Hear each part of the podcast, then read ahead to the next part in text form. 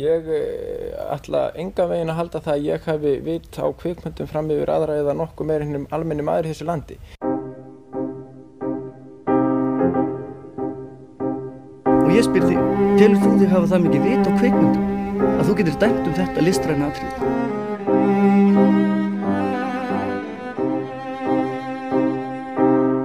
Velkomin í hlaðvarp engra stjarnan. Ég heiti Björn Þór Viljámsson. Þátturinn verður með örlítið öðruvísi sniðin venjulega þessu sinni. Það er að segja, hann verður á ennsku. Ástæðan er svo að viðmælandi minn, kveikmyndafræðingurinn Greg Burris, er ennskumælandi og mun í því skipti yfir á ennsku frá og með kynningun á Greg sem einmitt hefst núna. Greg Burris is an associate professor of media studies in the Department of Sociology, Anthropology and Media Studies at the American University of Beirut in Lebanon. His writings on race, film, and cultural theory have appeared in such publications as Cine Action, Cinema Journal, Electronic Intifada, and Quarterly Review of Film and Video. Of these, I would especially like to pause and mention the essay Donald Trump, Lynchian Monster, which aligns the former American president with a dark sense of dread that underlies so much of David Lynch's work. I would actually like to take a moment from the introduction to quote briefly from the essay. This is Greg Burris. In my view, Trump is the walking, breathing embodiment of all that is frightening about Lynch's dark visions the authoritarianism, the crude sexuality, the excessive violence, the unapologetic bigotry, the toxic masculinity, the infantile rage, even the Baron Harkonnen's crazy orange hair. I love that passage. The essay, Donald Trump, Lynchian Monster, appeared in 2019 in Bright Lights Film Journal. We will post a link to that essay and other materials on Hugrás. Greg's work has also appeared in the edited collections Futures of Black Radicalism and global raciality, empire post-coloniality, decoloniality. Last, but far from least, in 2018, he published The Palestinian Idea, Film, Media and the Radical Imagination with Temple University Press. The book was published in the Insubordinate Spaces series, and we'll return to it. It is my pleasure right now to welcome Greg Burris to the podcast. Hi, Greg, and thanks for being here. Hi, thank you so much for that warm introduction. Takk fyrir. no problem. Welcome. With a film scholar from Texas holding a university position in Beirut. It doesn't sound inevitable. Could you tell me a little bit about yourself and how you came to find yourself living and working in a country, Lebanon, that sadly seems to be in crisis right now? Sure, sure. Sure. So yeah, I'm from a little I'm from a little town in in East Texas. It's called Texarkana. It's half in Texas, half in Arkansas. And as a you know, it's a very conservative kind of right wing part of the world. Um, and as a result of both you know my religious background and my political background, I was very very interested in the Middle East. So when I went to university at the University of Texas, I started taking all the classes I could about about Israel, Palestine, the conflict, Hebrew and Arabic. Um, eventually, a lot of my opinions changed. In fact, basically all of my opinions changed. but my interest in the region didn't stop. Um, okay. And I spent a few years in Istanbul and eventually discovered film studies, started writing film criticism, and then um, moved to California, did a PhD in, in, in film studies. Um, and I wrote my dissertation about Palestinian cinema. And then uh, there was a job opening in Beirut, and I moved to Beirut. Uh, I I think I noticed in the uh, introduction to your uh, book that uh, in the acknowledgments section that um, quite a famous uh, quite a famous scholar, cultural studies scholar, I guess we could call him, not all of us who work in the in the humanities have had like major network TV series made about us, but one of your committee members has. Uh, also, a famous book written about him, partly that is Dick Hep- Bastich, the author of uh, Subcultures, uh, Yeah. the book on punk style. Uh, and the TV series I, I mentioned was I Love Dick, obviously. Uh, You know, there's this game that we play called Six Degrees of Kevin Bacon, where you try to take two actors, relate them to Kevin Bacon. So Yeah. now, through my own, Kevin Bacon plays the role of Dick, and I love Dick. So now I guess I'm two degrees of separation from Kevin Bacon, thanks to that's Dick. the closest I've ever heard anyone get in the game. That's the, yeah, congratulations. I Although he hates it, you're not allowed to mention that around him. He he's, Oh, he hates not? the book, hates the series. Okay, well, uh, yeah, um, he was one of the professors in my department, and uh, and I was happy to have that link to Stuart Hall. I, I didn't get to Sure. meet or interact with Stuart Hall, but he was so influential in my own thinking. So having that direct link to Stuart Hall, he was one of Stuart Hall's students. Sure, So and the Center for, Contem- for Contemporary Cultural Res- Research, right at, at Yeah. Birmingham, wasn't it? Uh, the birthplace of cultural studies in the English-speaking world. Uh, Exactly. exactly.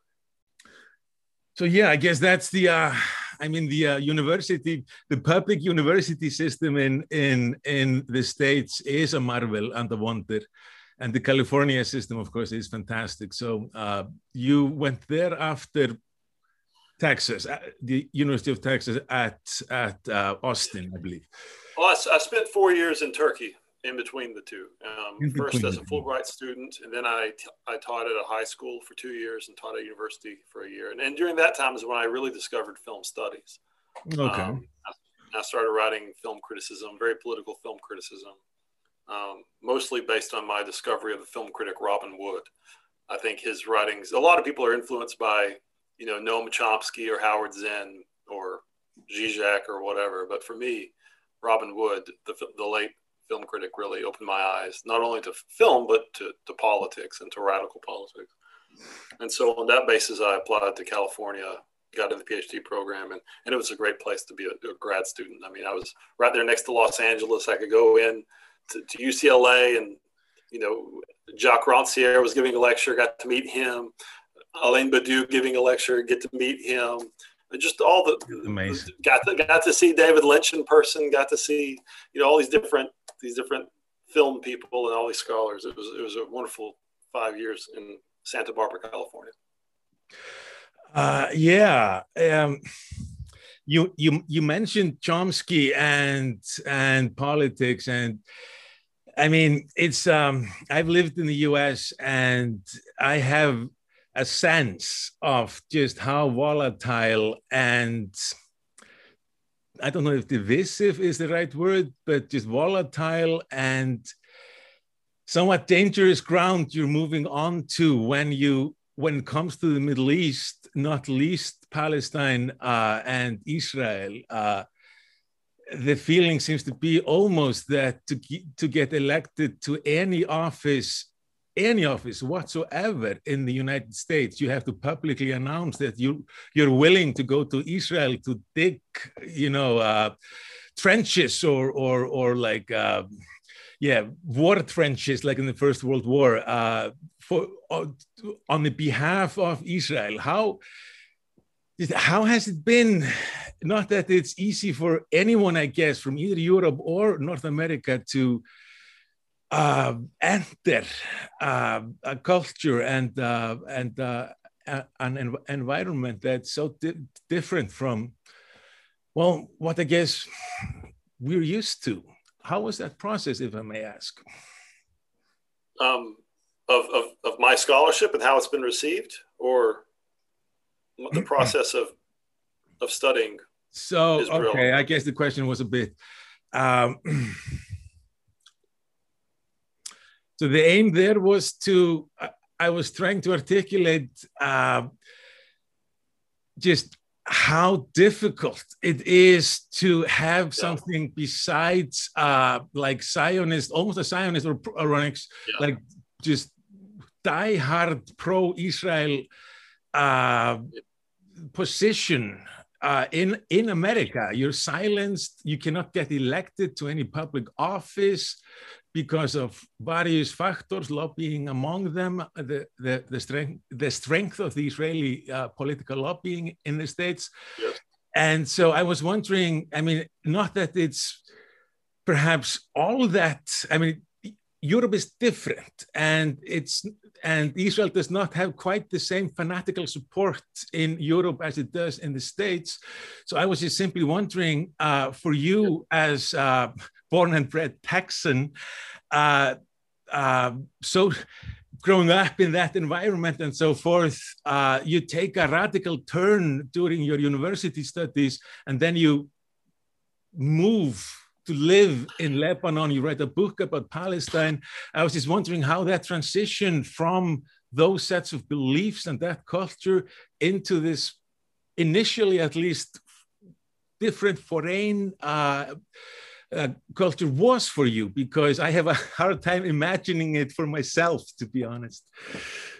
You know, equality is not a very popular um, value for the guardians of disorder. and uh, you know, in the United States, the, the ideology, though, the 100% settler colonialist racial supremacist ideology that seems to command so many politicians there um, is is hard to get around. I mean, even though even though Israel has lost a lot of support in the polls over the years, mm-hmm. um, as its apartheid regime becomes increasingly obvious and right. more overt. Right. The, in terms of the political class, absolute devotion to Israel is still a requirement. A requirement, yes. Um, and you know, in, in terms of the universities, there's a space that has been opened in the last, let's say, 20 years for crit- critique of Israel. Mm-hmm. Um, but it's still, those doors can swing shut. There are still careers that are ended as a result of people who have gone too far in criticizing Israel. Mm-hmm. My friend Steven Salaita was okay. had been offered a job um, in Illinois back in 2014 or 2015, and as he's moving there, um, the the administration just overturned his hiring because they didn't like the tweets that he had used to criticize Israel's 2014 bombardment of Gaza. He ended up losing his career as a result. So. There's still instances in which the criticism, even even criticizing Israel, is, is not not allowed at all. I think myself, a because I'm in, in Lebanon, so I'm not there, and b mm-hmm. because I focus on cultural issues. I think I go a little bit under the radar. Um, people don't realize how subversive it can be and how mm-hmm. radical it can be to focus on the cultural issues. They right. tend to focus more on like the overt sociology or political science or that kind of thing. Right. Um, although, in my view, when done correctly, cultural studies can be more radical than those more traditional fields and disciplines. You do discuss that in your book, Greg, and uh, I'm I'm looking forward to getting to ask you uh, uh, questions about Palestinian cinema. Uh, reading your book has been extremely uh, eye-opening. Uh, this is, to be honest, a field I was completely unfamiliar with, I can say, previously.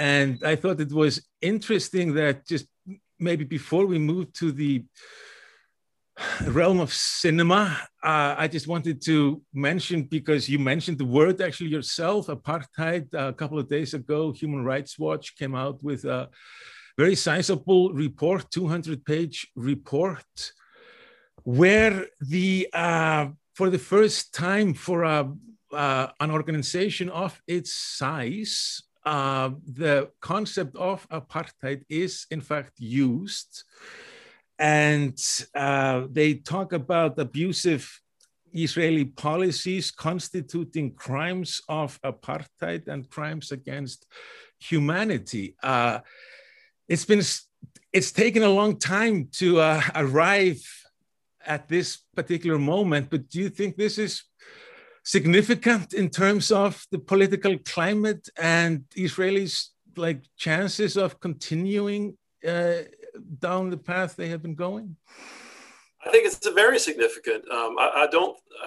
I mean, with every every every victory is a, another battle won, but it's a very very long road. Um, it's apartheid.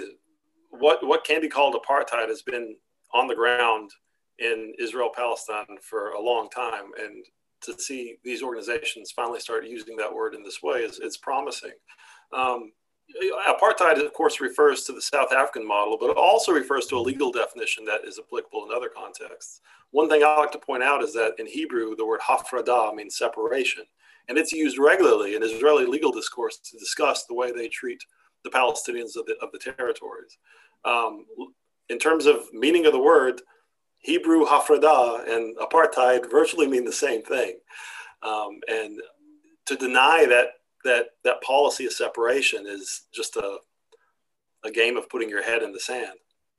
Well, Israelis' uh, response to the uh, uh, report was to call it the fabrication from top to bottom. Well, sure. of course they do. no surprise there. No surprise there. Yeah, one thing I think it's interesting to point out is, um, you know, Western Europe has been the apart from North America, the region of the world that's been the most reticent at supporting Palestinian rights and, and recognizing Palestine. But you might you might already know this: the first Western European country to officially recognize Palestine and extend diplomatic relations. There's only two. Two Western European countries have done it.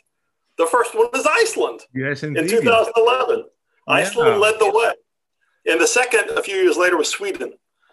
So um, there's a lot of interesting connections, and, and the more you look, the more the more those connections are apparent between between Iceland and the Nordic region and Palestine. And Palestine. That I know that's something that you you've been thinking about, and uh, I had the privilege of of reading a draft version of a work in progress, uh, which is well, the the working title was Escape Routes, and the subtitle is is Watching Icelandic Cinema in the Wake of Beirut's Port Explosion uh, when when we uh, were getting to know each other, this came up uh, and surprised me quite a bit.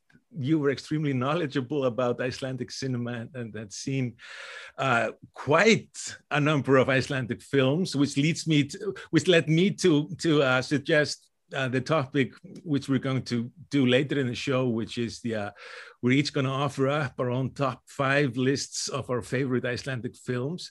But this essay, which I believe you're like, it's not been published. I was asking you if I could translate it into Icelandic because I think it would be wonderful to have it in an Icelandic translation. But could you talk a little bit about just uh, uh, like how your connection to Icelandic cinema came about and its connection to this catastrophe that happened last year? Sure. Well, I mean, uh, I've been to Iceland once. Um, when I was an undergrad, I took a course on hmm, Icelandic mm, literature, right. the sagas. So I've read a few books by Halldór Laxness. Mm. I had seen a couple of Icelandic films, older ones, um, Nói the Albino, mm. um, mm-hmm. Angels of the Universe, 101 Reykjavik. So I had some background knowledge of Iceland, but it was certainly not the forefront of my mind.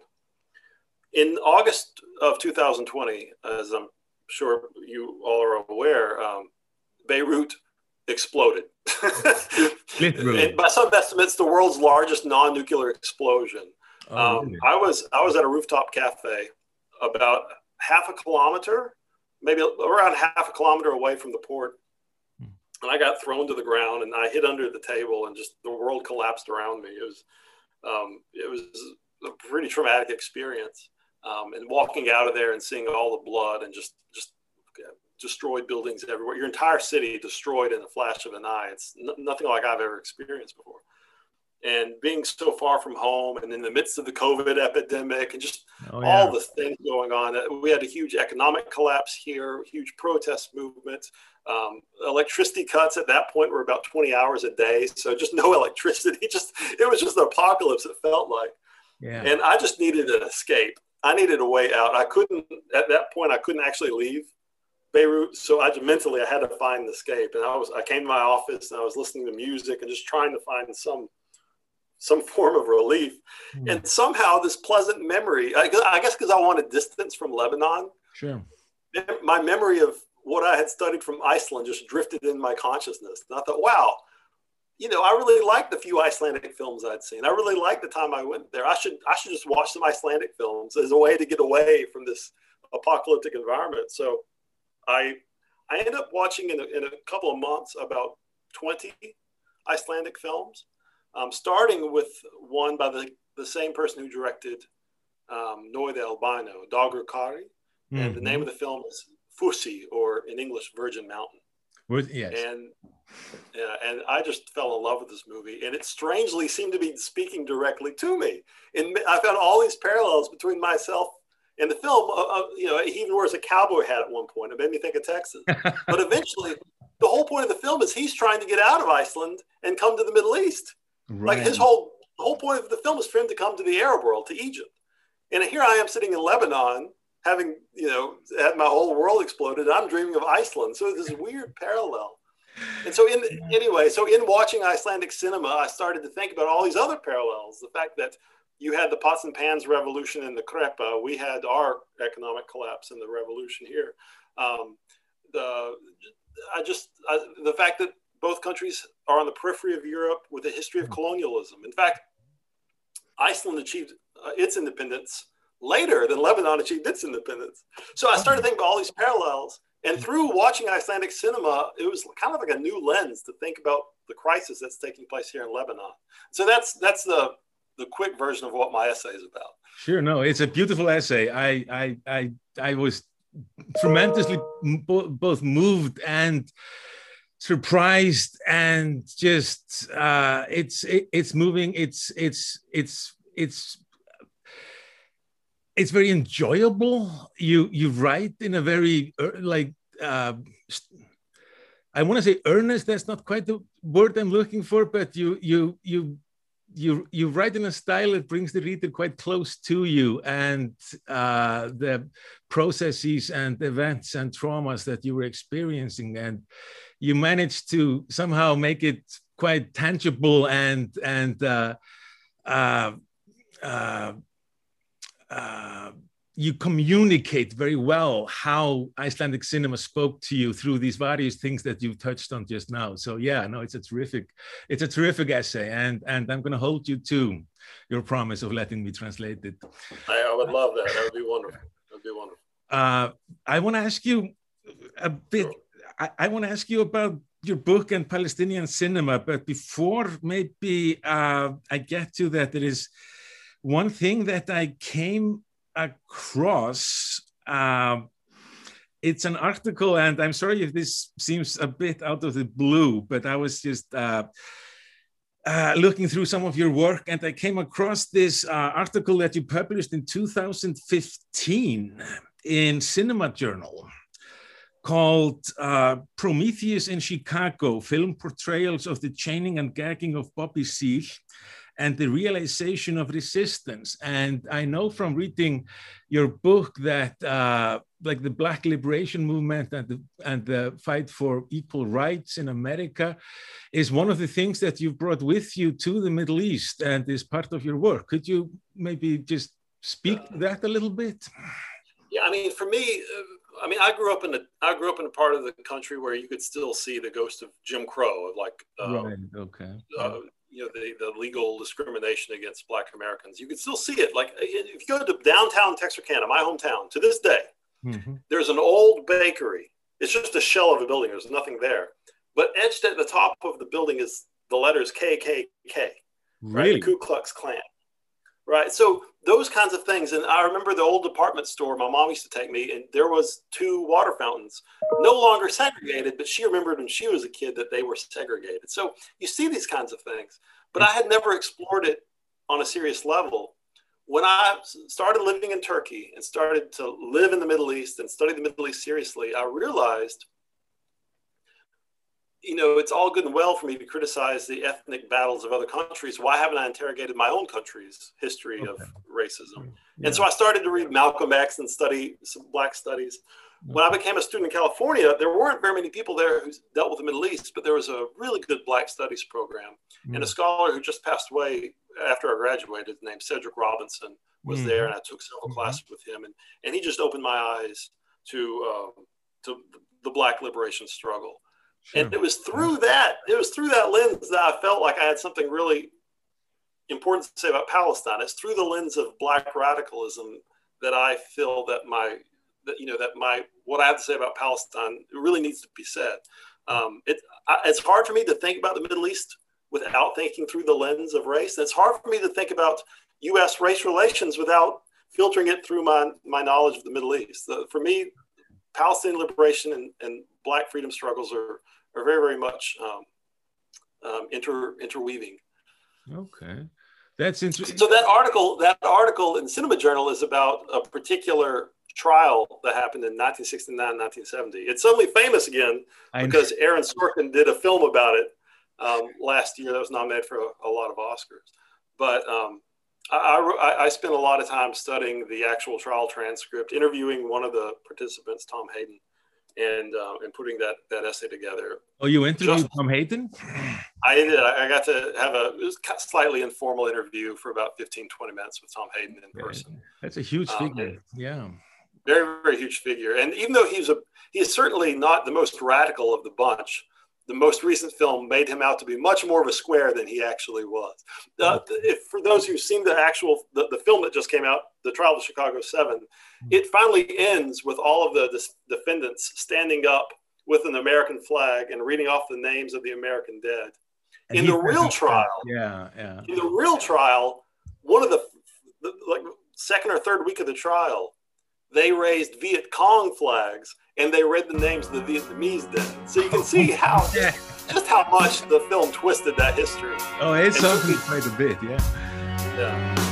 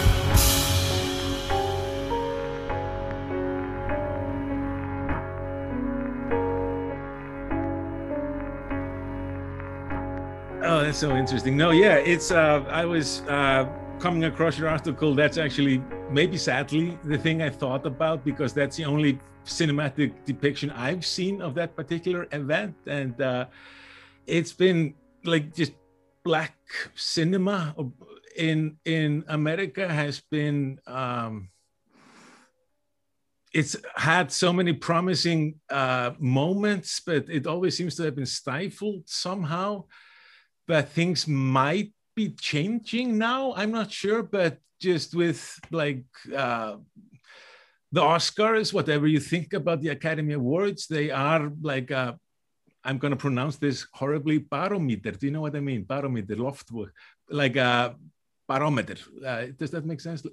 They, they yes of like just the, the, the culture and the films that were nominated judas and the black messiah one night in miami uh, regina king and and so forth. Uh, just seemed like such a change from a few years ago when like you just couldn't find a more homogeneous uh, like group of people than the people who were nominated for for the oscar. Uh, although this is not uh, maybe your field. Uh, do you do you have a like a sense of things changing? Uh, even just Black Panther, people have been talking about how the poster of that film. Uh, aligning itself completely with the graphic design of just superhero movies, but still they're, they're like black figures, black figures, black figures, black figures, and then one Martin Freeman in the corner, one white guy in the corner. And I remember seeing something about how black audiences had never seen that before on a yeah, film. without a doubt. Like I understand all the excitement that people had for the film Black Panther, but you know, at the end of the, at the end of the day, that film, why did it include a CIA officer, a white CIA officer, as one of the heroes, who at the end of the film doesn't renounce the fact that he's a CIA officer? it did it, that ruined the film for me. That completely ruined the film for me. The, the film that I loved and I thought was near perfect was Get Out. Oh yeah. Um, mm-hmm. it, was fun. It was scary. It was smart. Uh, it was funny. It great politics. Um, so that for me, that that's yeah. kind of the best of this whole wave of, of new black cinema that we're seeing. Okay, um, yeah. And, and, I love it. I love it when serious politics mesh with crazy like genre, horror film or sci-fi film, or you know, when, when you take those kinds of those kinds of uh, films, but give them a radical political edge. that's mm-hmm. that's that's my sweet spot oh yeah, Jordan Peele has come like out of nowhere to just turn everything around. It seems to me. Yeah, he's fantastic. Uh, it's um, um, if we if I if I if we move to um, Palestinian cinema and your book, the um, uh, the first question that comes to me somehow is just the uh, uh, the difficulties that must be inherent in speaking of Palestinian cinema. I mean, we have it easy, those of us who can like just point to a national cinema and say, yeah, that's our national cinema. That's the national cinema of Germany or Iceland or Sweden or something. But things are much more complicated in terms of Palestinian cinema. Could you just maybe walk us in baby steps into the subject? well, uh, just to give a good example of you know precisely what you're talking about, the difficulties of creating a Palestinian cinema. One of the most gifted Palestinian directors is an individual named Elia Suleiman. Sure, yeah. Um, and the film that he did in, I believe, 2002 is called Divine Intervention it was produced by a, a, French producer, and that that producer went. He, he approached the Academy that that that takes care of the Oscars to ask them, is it possible to enter this into the competition as a Palestinian film? At that point, there had never been a Palestinian submission to the Academy Awards. Okay. And the, the Academy Awards got back to him and said, well, we don't consider Palestine a country, therefore it's ineligible to even be considered for an award there was a bit of an uproar because you know Wales submits films, Hong Kong submits films, Puerto Rico submits films, and mm-hmm. those aren't considered sovereign nations either. Yeah. Um, and so, so there was a bit of a backlash, and the following year, the, the Academy Awards started to accept Palestinian nominees for the Oscars. Um, but then when they finally, one of them finally made it to the short list, it was a film called Paradise Now in 2005 mm-hmm. 2006. Mm-hmm. And uh, it seems due to Israeli lobby pressure, instead of saying Palestine, the Academy Awards chose to say Paradise Now from the Palestinian territories and wouldn't mm-hmm. actually give the name Palestine to it. So just even at the, the level of the Academy Awards, proving that Palestine is a nation um, has been a Herculean task. That's amazing. Yeah. Um, but, but, Palestinian cinema is there has there, go ahead. No, I, I, it, in spite of the reluctance of the uh, Academy of Motion Pictures, Art and whatever it's called, it does exist. if it nothing does, else, you do prove it in your book. And uh, I'm just like, uh, uh the the subtitle, the, the, the, the, radical imagination and the title itself, uh, uh, the Palestinian uh, idea. Uh, could you speak to yeah. just the, uh, if you start at the very beginning, the title and the subtitle? sure. Well, let me, let me, let me put it this way. I mean, it's, there, there's not a huge number of books and scholarship about Palestinian cinema, but there is a growing list of authors and works about the subject. And my feeling was that a lot of this work kind of stays at the empirical level, just proving it exists and describing that there is such a thing as Palestinian cinema. And there's a need for that since they've been denied, even at the level Academy Awards, that they exist. So there's a need for it. But I think you know, I, I didn't want to just do that. I wanted to take it a step further and I wanted to interrogate, like, you know, what is the point of fiction or what is the point of feature filmmaking in such a hyper political environment? And I hmm. wanted to interrogate and really look at these films and ask what they're saying and, and think about them on, the, on that deeper level. So the, the title, The Palestinian Idea, is a little term that occurs just a handful of times in the in the works of Edward Said. Edward Said being the author of Orientalism, mm. um, one of the most cited and important intellectuals of the 20th, uh, at least the second half of the 20th century. He's he's um, raised in Egypt, but he's from Jerusalem. He's from a Palestinian family. He's Palestinian. And from some of his earliest essays in the late 60s, early 70s, until some of his last essays in his death, right before his death, mm. um, 20 years ago, he occasionally uses the term Palestinian idea to refer to this future dream of not, not some nationalist, ter- like not some kind of nationalist chauvinist dream, but this idea of full equality. Palestine as the home for Jews and Christians and Muslims and Arabs, men and women um, on the complete land. Just this future romantic notion of, um, you know, a universal democratic Palestine. Um, and it's a beautiful dream, and we can all think that's a beautiful dream, but you know, if, if our dreams are only located in the future, it's never clear how we could ever achieve them. And so I started thinking that what if we found ways to locate the Palestinian idea not in some future that may never arrive, but you know, in the present all around us, like the hidden forms of equality or the hidden forms of liberation that are already there.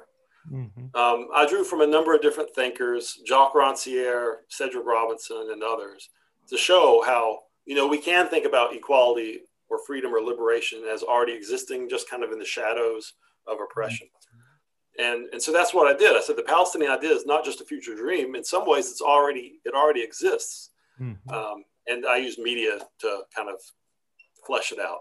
So that that's that's the that's what the title means. It's okay. it, it's it's in other words, I'm saying like these utopian dreams of dem- dem- democratic full equal rights, Jew and Arab in Palestine, they're not really necessarily so utopian or so fantastic. Like they already do exist in some ways. And in fact, I would say the, the realist, pragmatic view that we need to create two separate states for two different peoples, that's the fantasy. That's the dream that will never be achieved and can never be achieved. Take this piece of land so small and carve it up into little pieces and, and say one belongs to this ethnicity, one belongs to that. That's what all the diplomats think should be done. But for me, that's the greatest fantasy of all. Some form of equality is actually more real than what our political realists will allow us to believe. Political realists and pragmatists brought us, of course, world wars and to the brink of a nuclear war. They're, bring, they're bringing us to a the end of the species through uh, climate change. So maybe it's time not to to stop listening to them quite so closely. Uh, Without doubt. Uh, culture and cinema plays a role in this notion, doesn't it? That that it isn't. We don't have to reach so far for like a better world or a, a better future. You know, just changing things so that they stop being insane and and anti-human and and and horrible uh, could you speak to the connection between like just media cinema and yeah. the the importance of like radical imagination in terms of cultural products and how sure. the uh, how the idea of uh, a, a, a, better uh, of, of social improvement is, is, is articulated there. Yeah, well, I mean, there's, you know, every, every year there's literally hundreds of books produced about, about Palestine. You go to any bookstore and see shelves of them. Yeah. But all of them, not all of them, so many of them just stick to the terms of diplomacy and, you know, names and dates about the latest treaty that wasn't upheld and the terrorism and the deaths. And, you know, I think liberation and dreams of a better world they don't come from they don't come from negotiation table or statesmen mm-hmm. or even the ballot box typically. They come from culture, they come from poetry, they come from literature, they come from cinema, they come from spirituals that slaves used to sing in the fields. I mean, culture is the place where dreams of a, a more equal, more egalitarian world are harbored in the present. Mm-hmm. And so for me, to understand like Palestinian liberation, we, we need to look at culture. We need to look beyond the places where more traditional approaches demand us to avert our gazes. Um, so yeah, that's why you know I, I really became convinced of, of, this power of culture when I was doing my work with Black Studies with Cedric Robinson, mm, mm-hmm. and and I saw this need in Palestine again in Palestine. Oftentimes, even even amongst the scholars who love Palestine, they treat culture as a secondary phenomenon. Like culture or cinema is important only insofar as it re- reflects the, the resistance struggle. Right. And I don't think that's correct at all. I mean, I think it has a place in the resistance struggle, but I think we do culture a real disservice if we see it only as a tool of resistance. I think it's also a, a place to imagine more egalitarian possibilities. And I, I, I, don't think we could ever achieve a better world if we don't allow our minds the hmm. freedom of fiction to imagine a better world. Without that, then what are you going to fight for? Probably just some new iteration of existing oppression. So that's why I, am such a big fan and such a you know a student of culture and fiction. And um, I think in the, in the particular case of Palestine, that needs to be said again and again, because it's such a hyper political situation. Yeah. The tendency to just fall in line behind resistance is very strong. Uh, before re before returning to this very thing, I just wanted to. I, I I have a quote from early on in your book that I think articulates quite well how drastically you have entered a very um, a virtual minefield as soon as you start talking about these issues, Greg, that you focus on in your book. You say one does not casually wade into anti-Zionist waters without being barraged, barraged, sorry, with reminders about the horrible litany of tragedies that have plagued European Jewish history the ghettos, the pogroms, the concentration camps, the gas chambers. In the Zionist imagination, this entity called Israel is all that stands in the way of such barbarities being repeated, and to ponder a world beyond Zionism is tantamount to flirting with the inauguration of the next Holocaust. How then are we to proceed, you ask? What does Palestinian liberation even mean in a situation that seems forever haunted by the ghosts of Auschwitz? I thought that was, for one thing, that's powerful writing, Greg. But uh, uh, yeah, it just seems overwhelming somehow. But you managed to find, you managed to to to find a way uh, through it, and one of the ways is. Um, through the through the notion of of um, might we call it the fourth cinema if you think of of of Getino and, and Solanas' third cinema as perhaps a bit too militant compared to what we've been talking about. This is kind of a fourth fourth cinema for imagination, dreams, and utopian utopian uh, uh, thinking.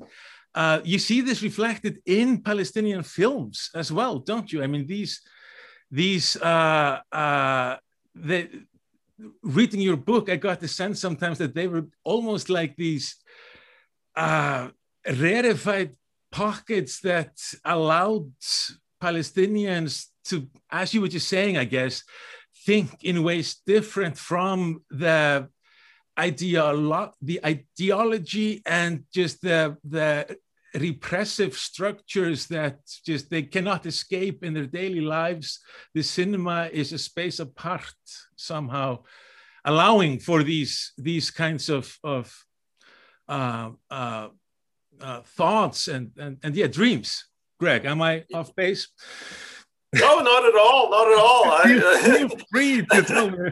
I'm, I'm I mean, yeah. In, in that in that quote that you read by me, I think one of the words I would want to highlight is I say European Jewish history. I talk about all the tragedies that have befallen European Jewish history. Right. Yes. And the reason I want The reason I want to emphasize that is oftentimes we treat Jewish history and European Jewish history as if they are the same thing.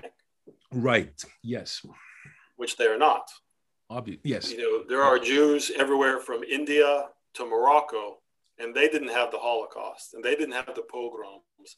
They may have had their own local problems, and they certainly did. World history is not kind anywhere in the world for sure, but it, we we take the intense and terrible horrors of European Jewish history and mm-hmm. treat it as if that's all Jewish history. That, that's a great mistake. Yeah. The Jews of Palestine didn't suffer an inquisition or they, under the Ottoman Empire, they didn't suffer a Holocaust. And yet, the Palestinians are being asked to pay the price for those European sins. Um, if we want to remember the Holocaust and if we want to truly fight anti Semitism, Hmm. which I think we all should. Yeah, of course. It goes hand in hand with fighting Zionism. You know, I think I think those two those two struggles, the struggle against anti-Semitism and the struggle against Zionism, they go hand in hand. And I don't think we can really fight one without fighting the other.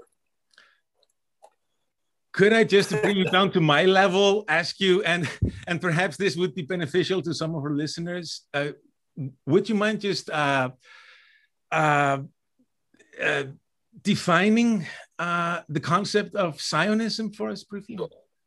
Yeah, so Zionism it's it's really a, 19th century European romantic nationalist idea. There's different variants of it, but the one that became um, hegemonic, this political Zionism, is that that was articulated by Theodore Herzl who was a, Viennese secular Jew who was not religious and not really that all that concerned with his own Jewish identity until witnessing the anti-Semitism around him, in particularly what was called the Dreyfus trial, um, a mm. Jewish officer in France that was erroneously blamed for treason, although he was innocent.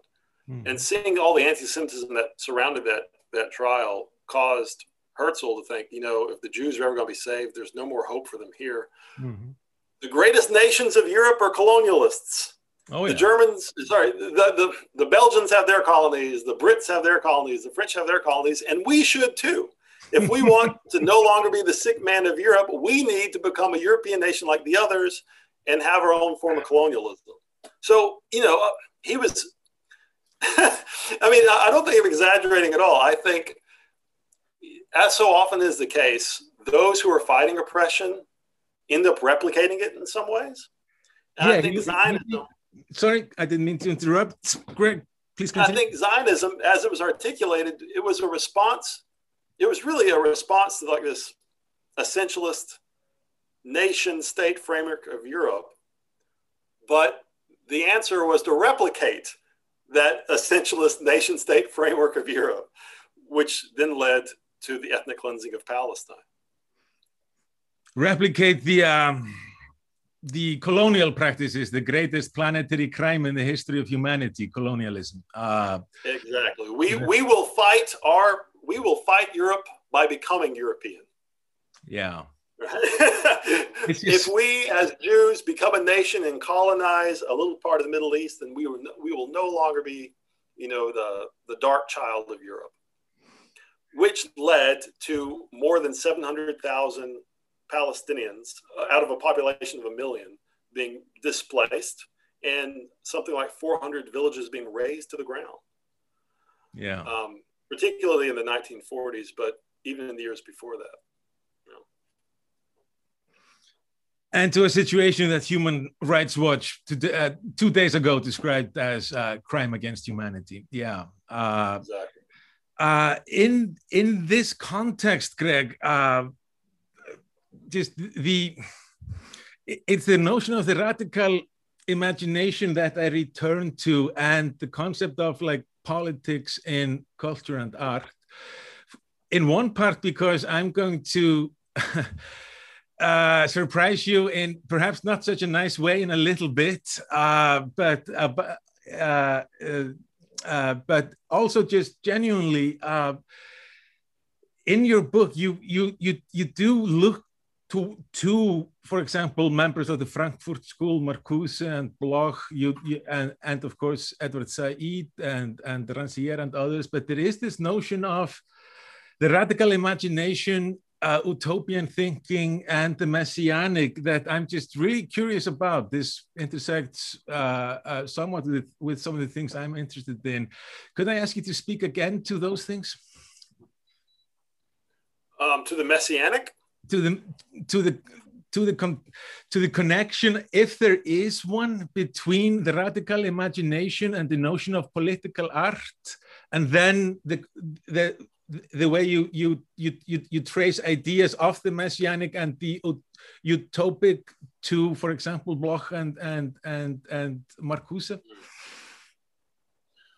um well, I guess I guess the easiest, the best way for me to answer that question is just to kind of recall the little the little story I tell at the very beginning in the preface of my book. Um, there's a little strange fragment of a story that that Ernst Bloch recalls in his book Traces. Benjamin recalls it in one of his works as well. They were friends after all. Hmm. And the idea is um, somebody asked the rabbi, you know, what's the, what will the world look like when the Messiah comes. And the rabbi has this very strange cryptic reply and says, The world will look like it is today. Um, nothing will really move around. That rock will still be that rock, and that stream will still be that stream. Um, except there'll be just a little movement, and that'll change everything. that'll change everything. Just yeah. a little small movement that will change everything. And I didn't really understand how to interpret this until one of my visits to Palestine, it I had like this moment where I was, it's made it made sense to me. At least one possible interpretation occurred to me. And I was in Jaffa, just south of Tel Aviv, walking along this beautiful beach promenade. And it's it almost sounds like a cliche, but suddenly all of these sights and sounds all came at the same time. I saw an Orthodox Jewish family having a picnic. I saw what appeared to be Muslim kids flying a kite. I heard church bells. I saw a gay couple walking a dog, and I saw in the distance the uh, I saw a mosque, all at the same time, like within a 30 second little part of the stroll. And I think that's where I, it just suddenly occurred to me is like paradise is already here. You know, after over a century of ethnic cleansing, apartheid, uh, discriminatory laws, wars, everything else, this the, the notion that this country i'm in israel at this point the notion that this is like a jewish state or you know the, the notion that it belongs to any one person is just it's it's a it's a comedy look around the problem is the relations between these different entities that some are living on top of others that there's like this colonialist or racist division between some people and other people but the idea isn't just that everything needs to shift significantly, that we need to bring in these people here and move these people here. No, just the, just the colonialist relationship between those who are already there needs to change. Something small can change the entire mm-hmm. landscape. Change so that to, yeah. That to me was like this messianic way of looking at the world and seeing seeing the world not only for what it is, but seeing what it could be. That's does that answer your question? In a much more profound way than i deserve greg. Thank you. No that was uh, uh, it's a beautiful passage in your book actually. This is in the uh, earliest section of the book and it's uh, it stayed with me precisely because of it's such a powerful notion that you don't have to buy into the rhetoric of big governmental agencies nation states uh, these these strategic partners and and huge huge uh, geopolitical miracles that have to happen for things to become better. You just have to change things a little bit, and things will be better. That's a powerful thought. Uh, it's just somehow an example that I was just an example that occurs in. Sorry, go ahead. it's the time lag. Please continue. It's it's uh, please continue so one of the big breakthrough Palestinian films is a movie that came out in 1987 called Wedding in Galilee. Mm. Um, it's by a director named Michel Khleifi.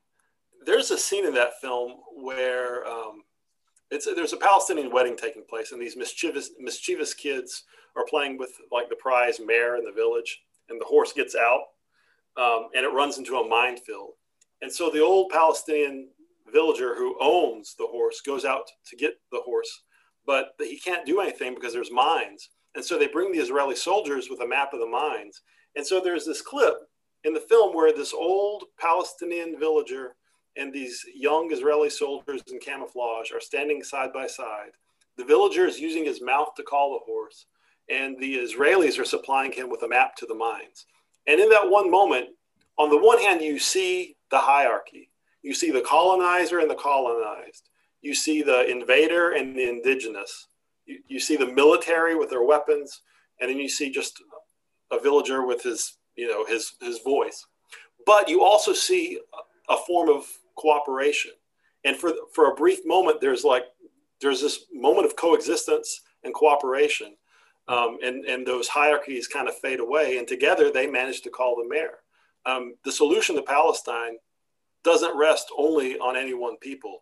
The Israelis put the mines there, and they're going to have to be the ones to take it out. They're part of the solution as well. Hmm. And so I think that that moment from the film kind of also demonstrates the same messianic moment I described earlier in Jaffa, a brief moment where the divisions and hierarchies kind of fade away and a different reality under the shadows becomes apparent uh, it's it, it's this line of thinking that uh, made me pause and actually stop for a while. When I came across uh, uh, an like uh, I guess you would call it um, the cover, the cover article or the cover interview in the latest publication of the British Film Institute, which is then devoted to uh, Adam Curtis, who uh, dropped his latest miniseries, Can't Get You Out of My Head, on the iPlayer a couple of months ago. And Curtis says he's quoting um, the late anthropologist David Graeber. Uh, the quote he says is the ultimate hidden truth of the world is that it is something that we make and could just as easily make differently. And uh, there was an affinity, I thought, between this thought and uh, your uh, uh, uh quote uh, about the uh, in the parable about the rabbi, uh, just different, just sl slightly yeah. different. Things will be the same, but slightly different. But then Adam Curtis uh, uh, goes on to offer uh, a, a, a conception, a vision of politics in art that and just culture that I found at the same time just flabbergasting and fascinating in the sense that this is not something this is not the type of discourse i'd heard before. This is not the uh, uh, this is not the uh, consensual uh, opinion in academia. Uh, if you would let me just quote a little bit extensively from Adam Curtis when he's talking about this, I would love to get your reaction to what he's saying because, uh, as we have discussed privately, uh, living in Beirut and Lebanon and working on Palestinian cinema automatically imbues your work with more gravitas than I would say comes with working on Scandinavian noir or something like that. Uh, but and and you do have a very specific, a very I thought fruitful and provocative notion of just what makes art political in your book, and that as well as most other things I know of are in total opposition to what Adam Curtis says. So, Greg, could I? Uh, will you allow me to to to quote the interview for a couple of minutes? uh, Adam Curtis, uh, who's been making these kind of what would how would you describe them? What would you like? What genre do they belong to? His his uh, documentary documentaries and documentaries. Political montage films. Political montage films with a nod to. Yeah, and and Conspiracy, Conspiracy theories. political montage films. Yeah, no, he's kind of the only guy that I will follow down into the rabbit hole, I have to say. Uh, but here he goes. Uh, this is uh, Adam Curtis uh, uh, re- responding to an interviewer sent from Sight and Sound, the uh, British Film Institute publication I just mentioned.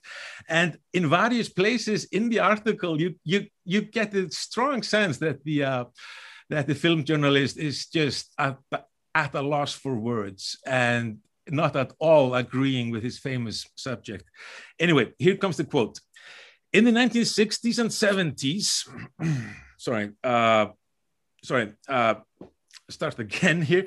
I'll tell you what was lurking in the back of my mind, Adam Curtis says, and still lurks in the back of my mind throughout all this. What we are living through is a generation of liberal progressives who are feeling that power is moving away from them and they don't have any alternative because they've run out of steam. Their roots lie in a radical culture back in the 1960s and 70s, and they retreated into culture in the 80s because politics went to the right.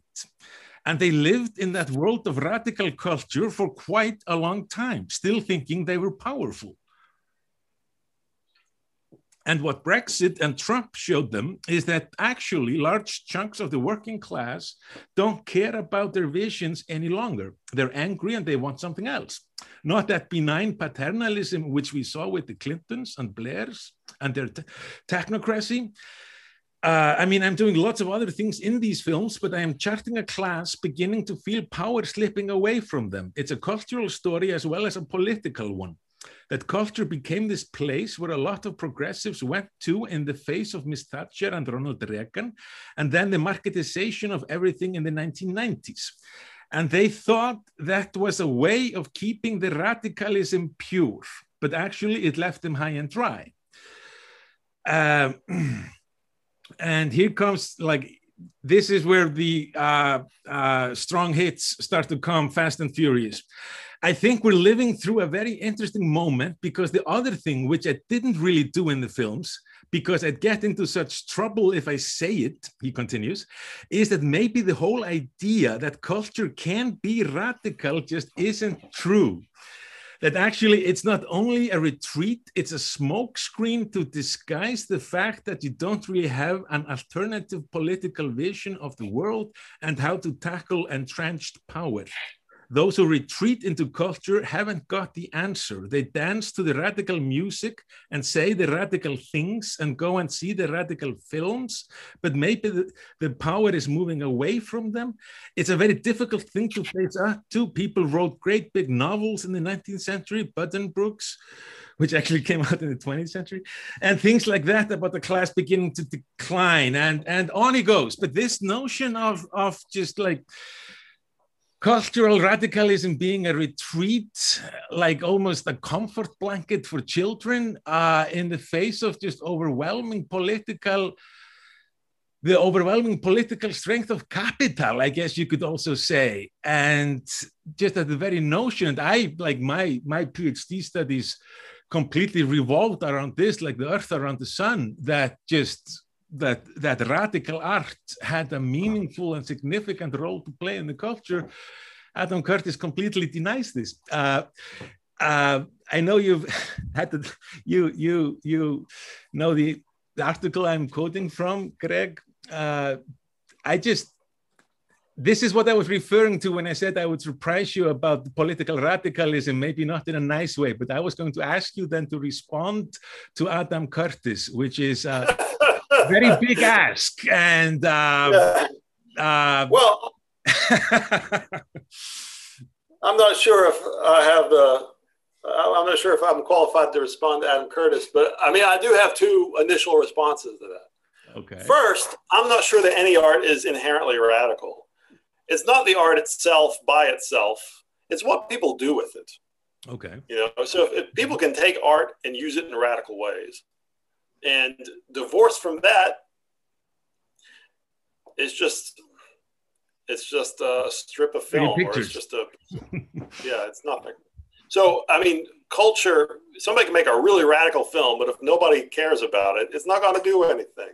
So, I, you know, that's my first response. Mm. Second of all, it's, I think the class of people he's talking about, which are like the ascendant liberals who are now no longer ascendant, uh-huh. and uh, and their kind of art, and you know, I think there's probably a lot of truth to what he's saying. But all classes produce art. All classes produce culture. Those who are clinging to power produce art and culture. Those who are fighting power produce art and culture. So what he says is true only if we look at a particular group of people. Mm-hmm.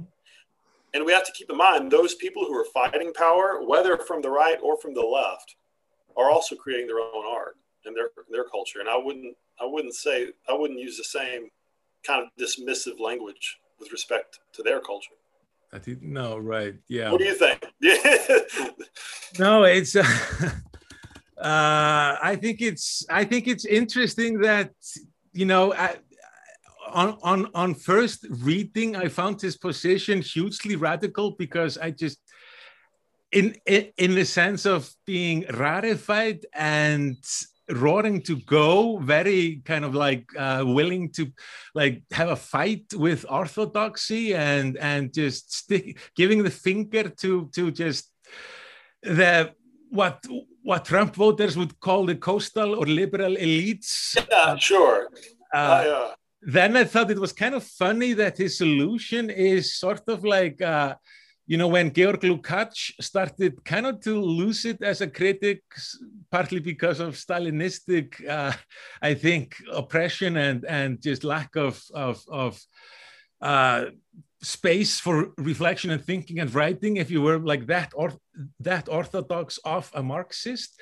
But then he yeah. also retreated to the 19th century and the great like social realist novel of the 19th century as the ultimate form of art. And adam curtis ends up with a very like next to a very tired and and i think disillusioned georg lukács maybe.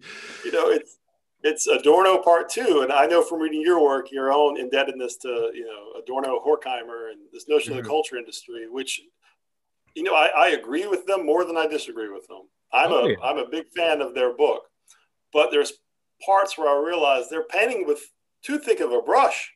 You know, especially when they, they, they criticize Chaplin and they talk about how like the fields, the waving of the fields or something is like a, a more evidence of the inherent fascism of the medium. It's like they're, they're painting with too too broad of a brush.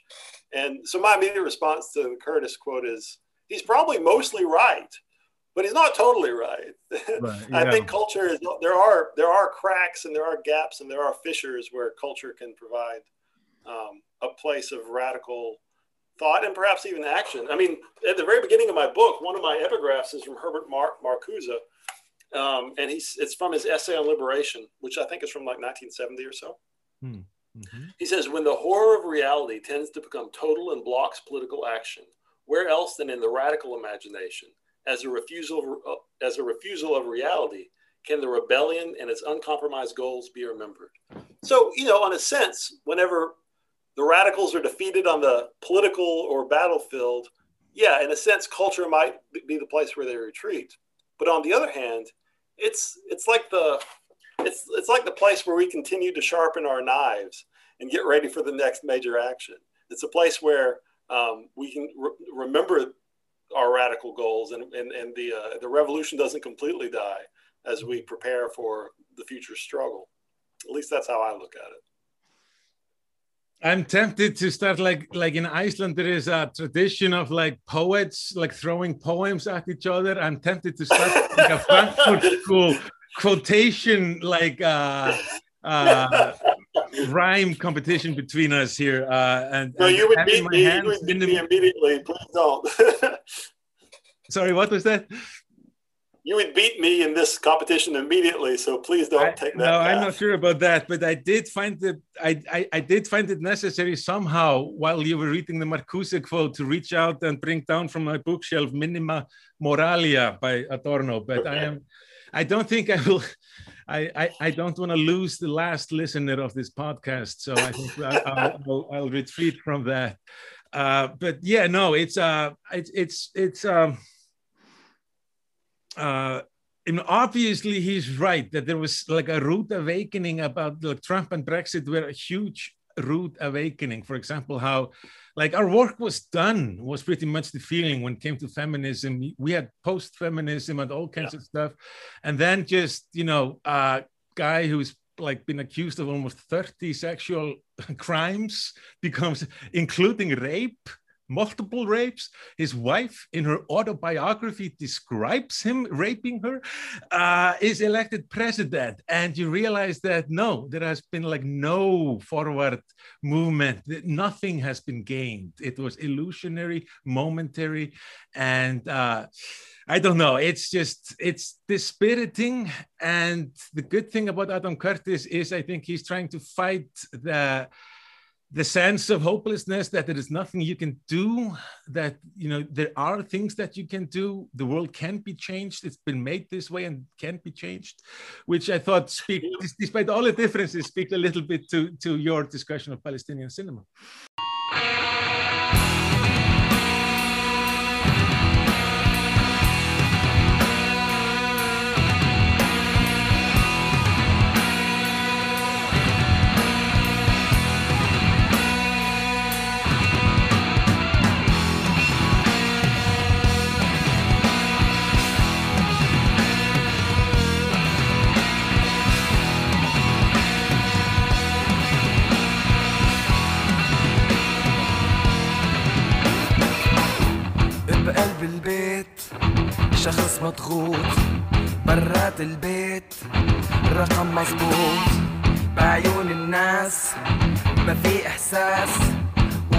وهذا الراس من الحكي مردود راسي بح جسمي مربوط. صوتي انبح لساني مقروض تلعب دح وشي بينكح. شو هو الصح؟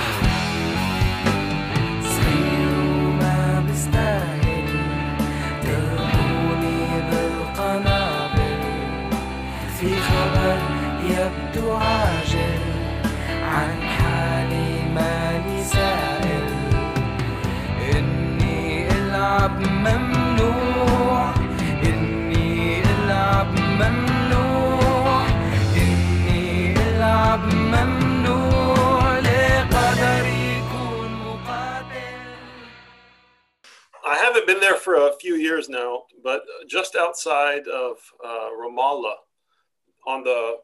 on the big apartheid wall that Israel built in 2004, by the way. We think about that apartheid wall as if it's been there forever. It's been there for less than 20 years.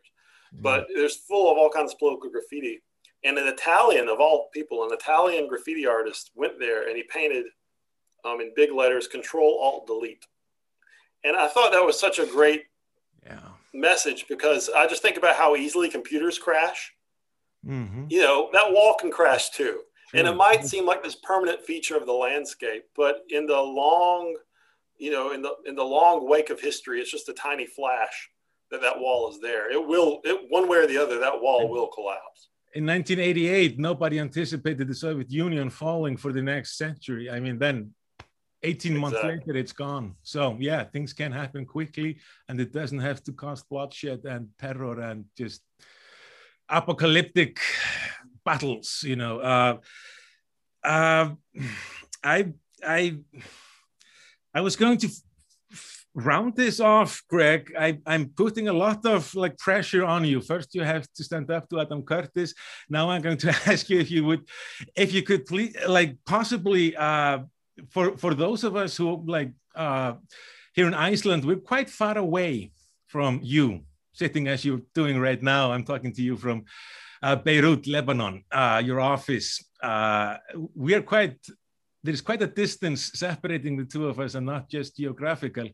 So I was wondering if perhaps I could ask you uh, to recommend maybe three Palestinian films, and we'll include this uh, uh, on our um, on on Hugrás. Will and the same. I was thinking if somebody wants to just get to know uh, more about the situation because, like, for me, the newspaper I read like, and there's a foundation for me would be the, the New York Times. Uh, I uh, they they're not credible when it comes to Palestine. They're just not credible as a news outlet. So if people wanted to just uh, learn more about the contemporary situation and its, and its history, if you had a couple of titles that you would recommend. Sure. So let me start with the films. Um, so if I were going to recommend three films, um, the first one would be The Time That Remains. This is a film by the director I mentioned earlier, Elia Suleiman. He's a Palestinian from Nazareth um, who ended up waiting restaurants in New York illegally as an immigrant and self-educating himself about about film. He, he has no formal film training. Right. Um, he started making shorts and eventually started making award-winning features.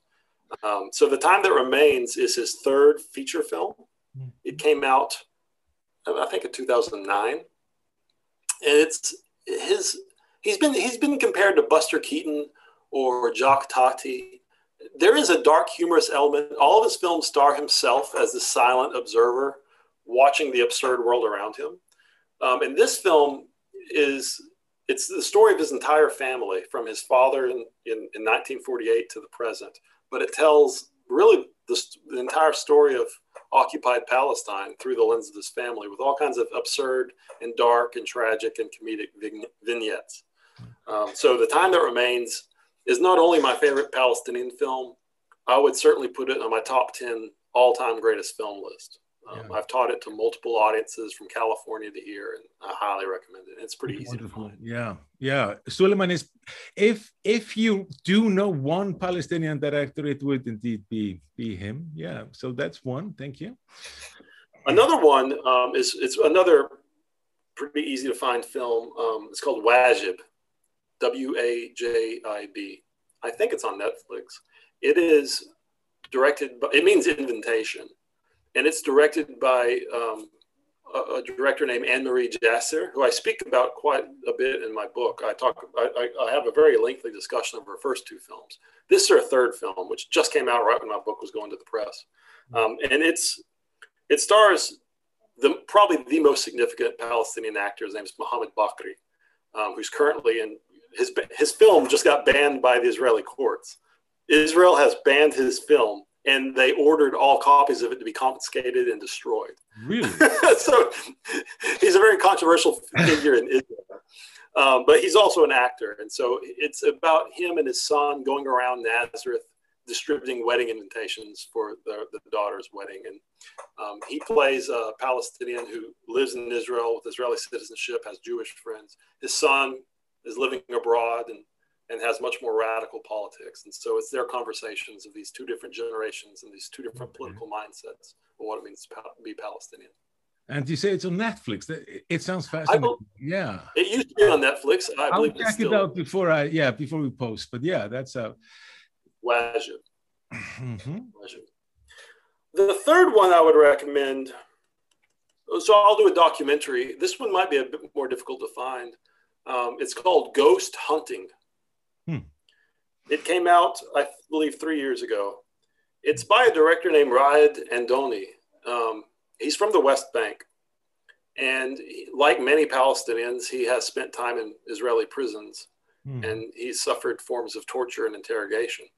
Hmm. And so this for this documentary, he he did like a casting call, but instead of looking for actors, he was looking for people who had also been tortured in Israeli prisons. And once he assembled his cast of characters, they recreated the prison and they role played and recreated the torture on each other as a way to try to exorcise these hmm. demons mm. from their psyches. It's a very dark film. Um, it's very imaginative. It's it, in some ways it reminds me of that that film that came out a few years ago called The Act of Killing. I, I was um, thinking about the Act of Killing as you yeah. were speaking. Yes. Yeah. Uh, but instead of having the perpetual the per, the per, the perpetrators enact it. It's actually the victims that are enacting it. Yeah, yeah. That, that, would be the third one I would recommend. Sounds fascinating. Thank you. And when it comes to texts or books or, or articles, so you want me to recommend two books? Two books would be fantastic. All right, so two books just to understand Palestine. The first one is dated, but it's my favorite. The Question of Palestine by Edward Said. Okay, sure. It came out in 1979, almost almost like a sequel. It's almost like a sequel to Orientalism, Okay. except except far better. Um, Orientalism isn't the most fun book to read. Question of Palestine is. It's beautifully written. It's a great introduction to everything about Palestine, the politics, the, the national identity, the land, um, Zionism. Um, its second chapter is called Zionism from the Standpoint of Its Victims, and I still think it's one of the best essays ever written on the topic of Zionism. Terrific. So, um, and, and that came out at a time when even pronouncing the word Palestine in American academia was verboten. Yes. So that was a landmark book, and I, and I highly recommend that one. Mhm. Okay. For a more recent book about the legal situation of Palestinians, Mhm. um, today I would recommend the 2019 book, Justice for Some. It's by a Palestinian academic named Noura Erakat. Um, it came out about the same time that my book came out, and it's, it's, it's an excellent resource for understanding the legal situation of Palestinians today and the way that Israel operates through the law. That's fascinating. Thank you. Um, Sure. I remember coming across an article a long time ago when I uh, actually, shortly after I arrived in uh, Madison, in Wisconsin for my doctoral studies by, um, I'm blanking on his name, oh, Christopher Hitchens, uh, who at that time had not yet swung to the right and was like the pro Iraq war and all that stuff. And he was tracing like just how it could happen that uh, like the most cited intellectual of the 20th century, like between Plato and Freud, uh, Noam Chomsky, uh, who had been like such an important voice during the Vietnam War, was just silenced, drowned out, uh, could not get published in like left-leaning liberal magazines or outlets, and he his explanation I don't know if it's true, but it sounded reasonable. It's an extensive and thoroughly researched article. Uh, was Chomsky's publication of The Fateful Triangle in 77, I think, his first book, I think, on the Palestinian question. And that was enough to just cite.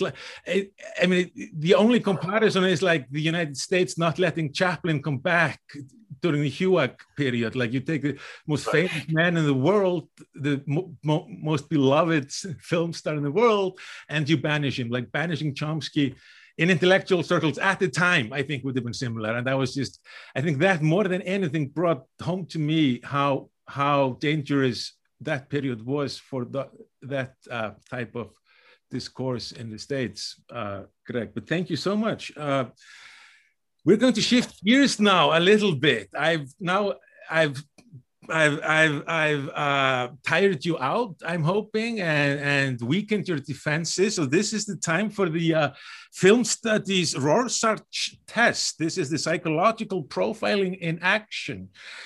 Uh, All right. I love uh, by the end of this, we will have the film studies department will have a complete and accurate psychological and cinematic profile of of Greg Burris. Uh, now I'm going to give the, all everything I'm saying sounds very threatening. I realized too late. uh, this is uh, this is not supposed to be an ordeal, but it is a game, and I'm going to ask you, Greg, just to respond really quickly. Uh, just you get two options. Which one uh, just is closer to your heart? Okay. or which one would you choose? And if you don't recognize the options, just say pass, and we'll go as fast as we can. So the first one, uh, Gene Kelly or Fred Astaire, Fred Astaire, Marvel or DC, Marvel, Deep Red or Suspiria, Suspiria. Batman That's a tough or one. that's a tough one, yeah. Batman or Robin, Ugh, though I have to say, pass. Danish cinema or South Korean cinema, Ooh. South Korea, the French New Wave or the Czech New Wave, French New Wave, Team Nomi or Team Crystal, pass. Tarantino or Trier. Tarantino. Hermione or Potter? Potter. Claire Denis is going to remake a film by Alfred Hitchcock. Which one should she remake? Lifeboat. Okay. Classical Hollywood or New Hollywood? New Hollywood.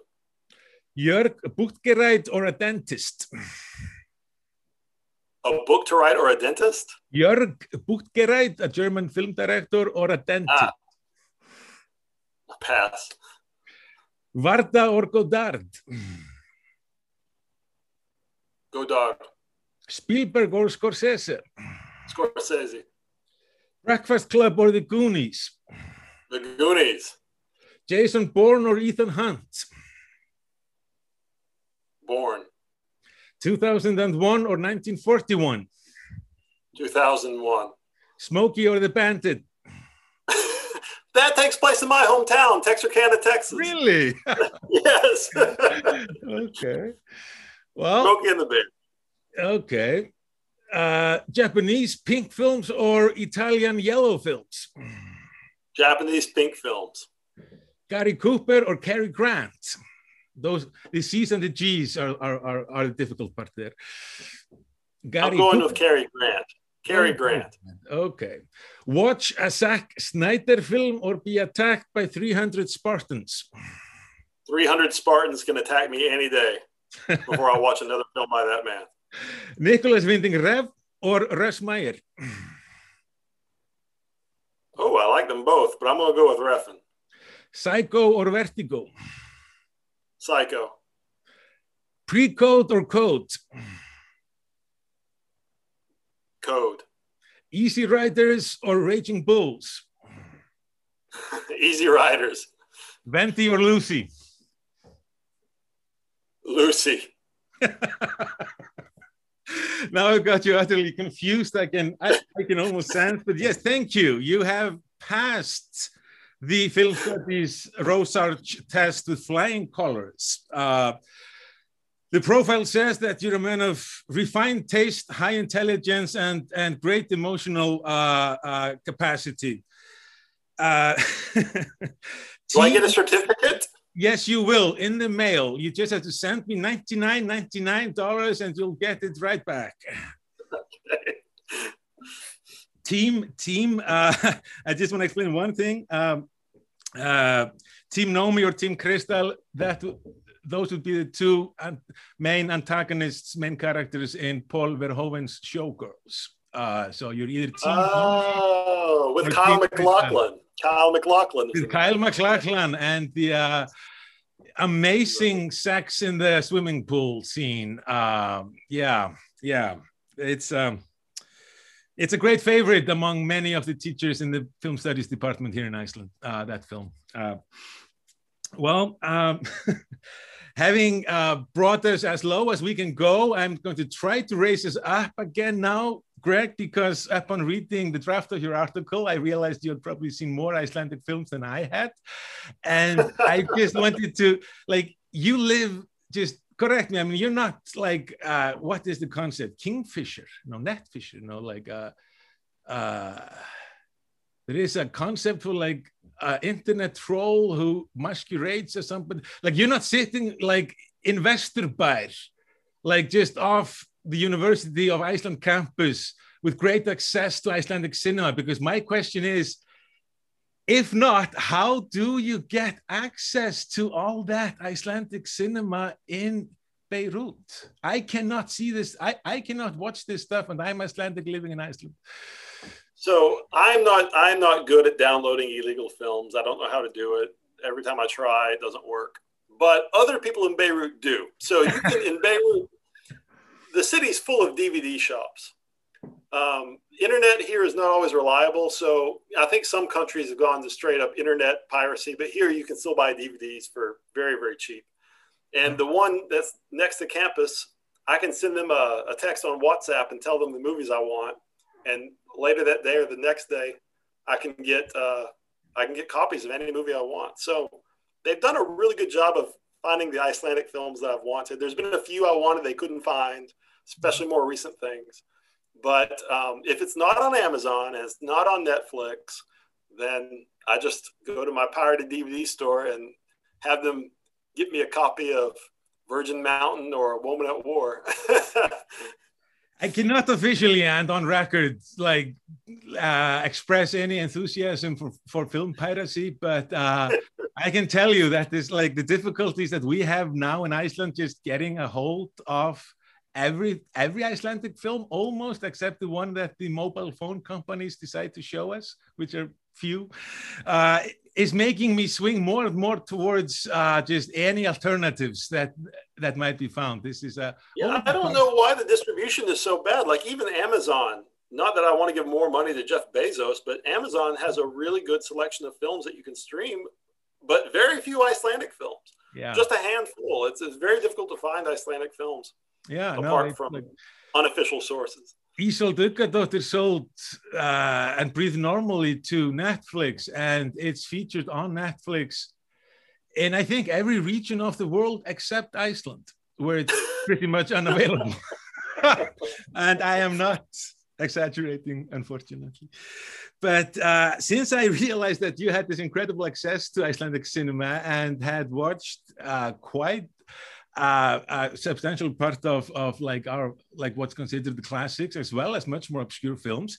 I challenged you to come up with a top five list of your favorite uh, Icelandic films, and like a real trooper, you you you obliged me. So, and I did the same thing. I, I and I realized I hadn't done this before. Like I, I do not have a set list of my favorite Icelandic films. Like I I, I know this because I'm on Letterboxd. Otherwise, I would not remember anything about the, movies I watch.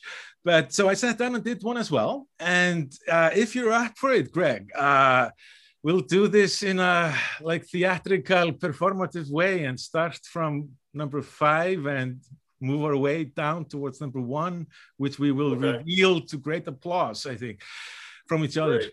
at least.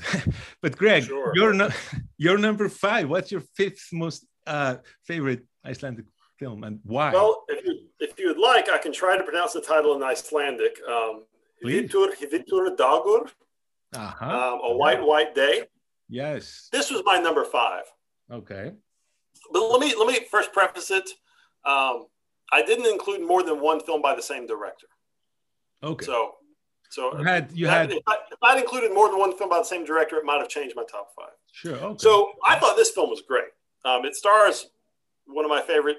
You know, it, I think sitting here in my Beirut apartment, when you watch Icelandic films, you see the same faces over and over again. It started to feel like a family. I started to have like these relationships with these Icelandic actors. And so, you know, I, I, I appreciate seeing them over and over again. But this film reminded me of some some of my favorite films, like uh, the Fassbinder film "Why Does Herr R Run Amok," Oh, or yeah. the uh, or the uh, it reminds me of the Michael Haneke film "The Seventh Continent." You know, in both these films is like boring, boring, boring. Then there's like this eruption of violence, right. and "A White White Day" kind of follows those same lines. Like Mhm. it's kind of slow, very, very atmospheric. Mhm. Um, some suspicions and crime, and then suddenly yeah. violence. So uh, I really enjoyed the film. And Ingvar Helgason would be the actor that you like the the lead Yes. the the lead Yes. actor. He's yeah he is in. I would say about eighty percent of of Icelandic cinema probably, and fifty percent of the theater. The first time I saw him was when I watched Angels of the Universe. Oh yeah. um, maybe 15 years ago. And he's in Trapped. He's in The Swan. He's, he's in everything. I see him every time I turn on an Icelandic um, film or TV series. He's one of those yeah he's a really fantastic cin- like actor for the screen because his face is very expressive although not like not in a pushy way. That just sounds like i'm five year old five years old but like and he's also very bodily. Like his his, his physicality is i think a big part of what makes him an effective screen presence. So yeah uh that would be Hlynur Pálmason who whose previous films uh Winter Brothers, I think would be the English translation, maybe. That's actually a. a I want to say Danish. Danish, now I'm thinking, yes, it is a Danish, like it's a Danish production. and is if you liked uh, White White Day, if you haven't seen that one, uh, it's it's also extremely extremely uh, good. Uh, so in my fifth place, I like we're going to continue what has been established as a pattern so far in the show. You take the high road, I take the I take the the the the bottom the bottom road along with the the the bottom crawling fish who are joining me there. Uh, so I'm. That's not a nice way to introduce the film. Who's that's written by my very close uh, friend, childhood friend Otto Geir Borg. So Otto, I sincerely apologize for that metaphor. It was uh, supposed to be funny, not uh, mean-spirited. We're not bottom dwellers. It's just uh, Dorks and Damsels or Astropia, which came out in 2007, uh, uh, is belongs on this list because it is a mood changer in Iceland, I think. Up until that point in time, almost without exception, uh, what you had in Icelandic cinema was were attempts to uh, align yourself with the European art cinema tradition in various ways. Uh, this one didn't do that it was a happy, funny uh, film about role playing and trolls and just it was lighthearted. It was very efficiently made for little money, and it be, became like one of the most popular films in Iceland. And kind of like you look back to Astropia, and that's when things started to change a little bit, like into the direction of like uh, not making films purely for export, not just for the film festival circuit, but also just for Icelanders. I mean, this can become a very bad thing. This become, can become a very pedestrian and, and plebeian and, and just kind of like cabin fever type, just inanity. But in this case, it worked out really well. And it's one of those much loved films that you cannot get a hold of anywhere today in Iceland. So, so. I haven't seen this. I haven't seen this film. I'll have to check my sources if they can find a copy for me.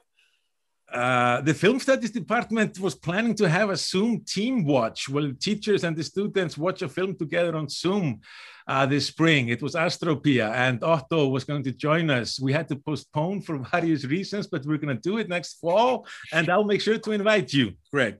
That would be wonderful. That would be wonderful. In in number four, what you have in in fourth place, Greg? So fourth place, I did something. Um, I don't I don't usually go for rural setting things. Um, and so I, I, tend to I tend towards more urban films, but in this case, Héraðið or the county, mm-hmm. I thought was a really good film. Um, mm-hmm. it, it, seems that this director, whose name I don't recall, his previous, yes, yes. Oh. his previous film Rams seems to be the, his biggest hit, the one that seems to have the best reviews. But I thought the county was better. Okay. Um, it, it's it's it's very political. It's about you know, a woman who really rises up and takes on the entire establishment in her town. Mm. It's got a few moments of humor, but mostly it's like a very political film, um, very beautifully shot. I thought it was great.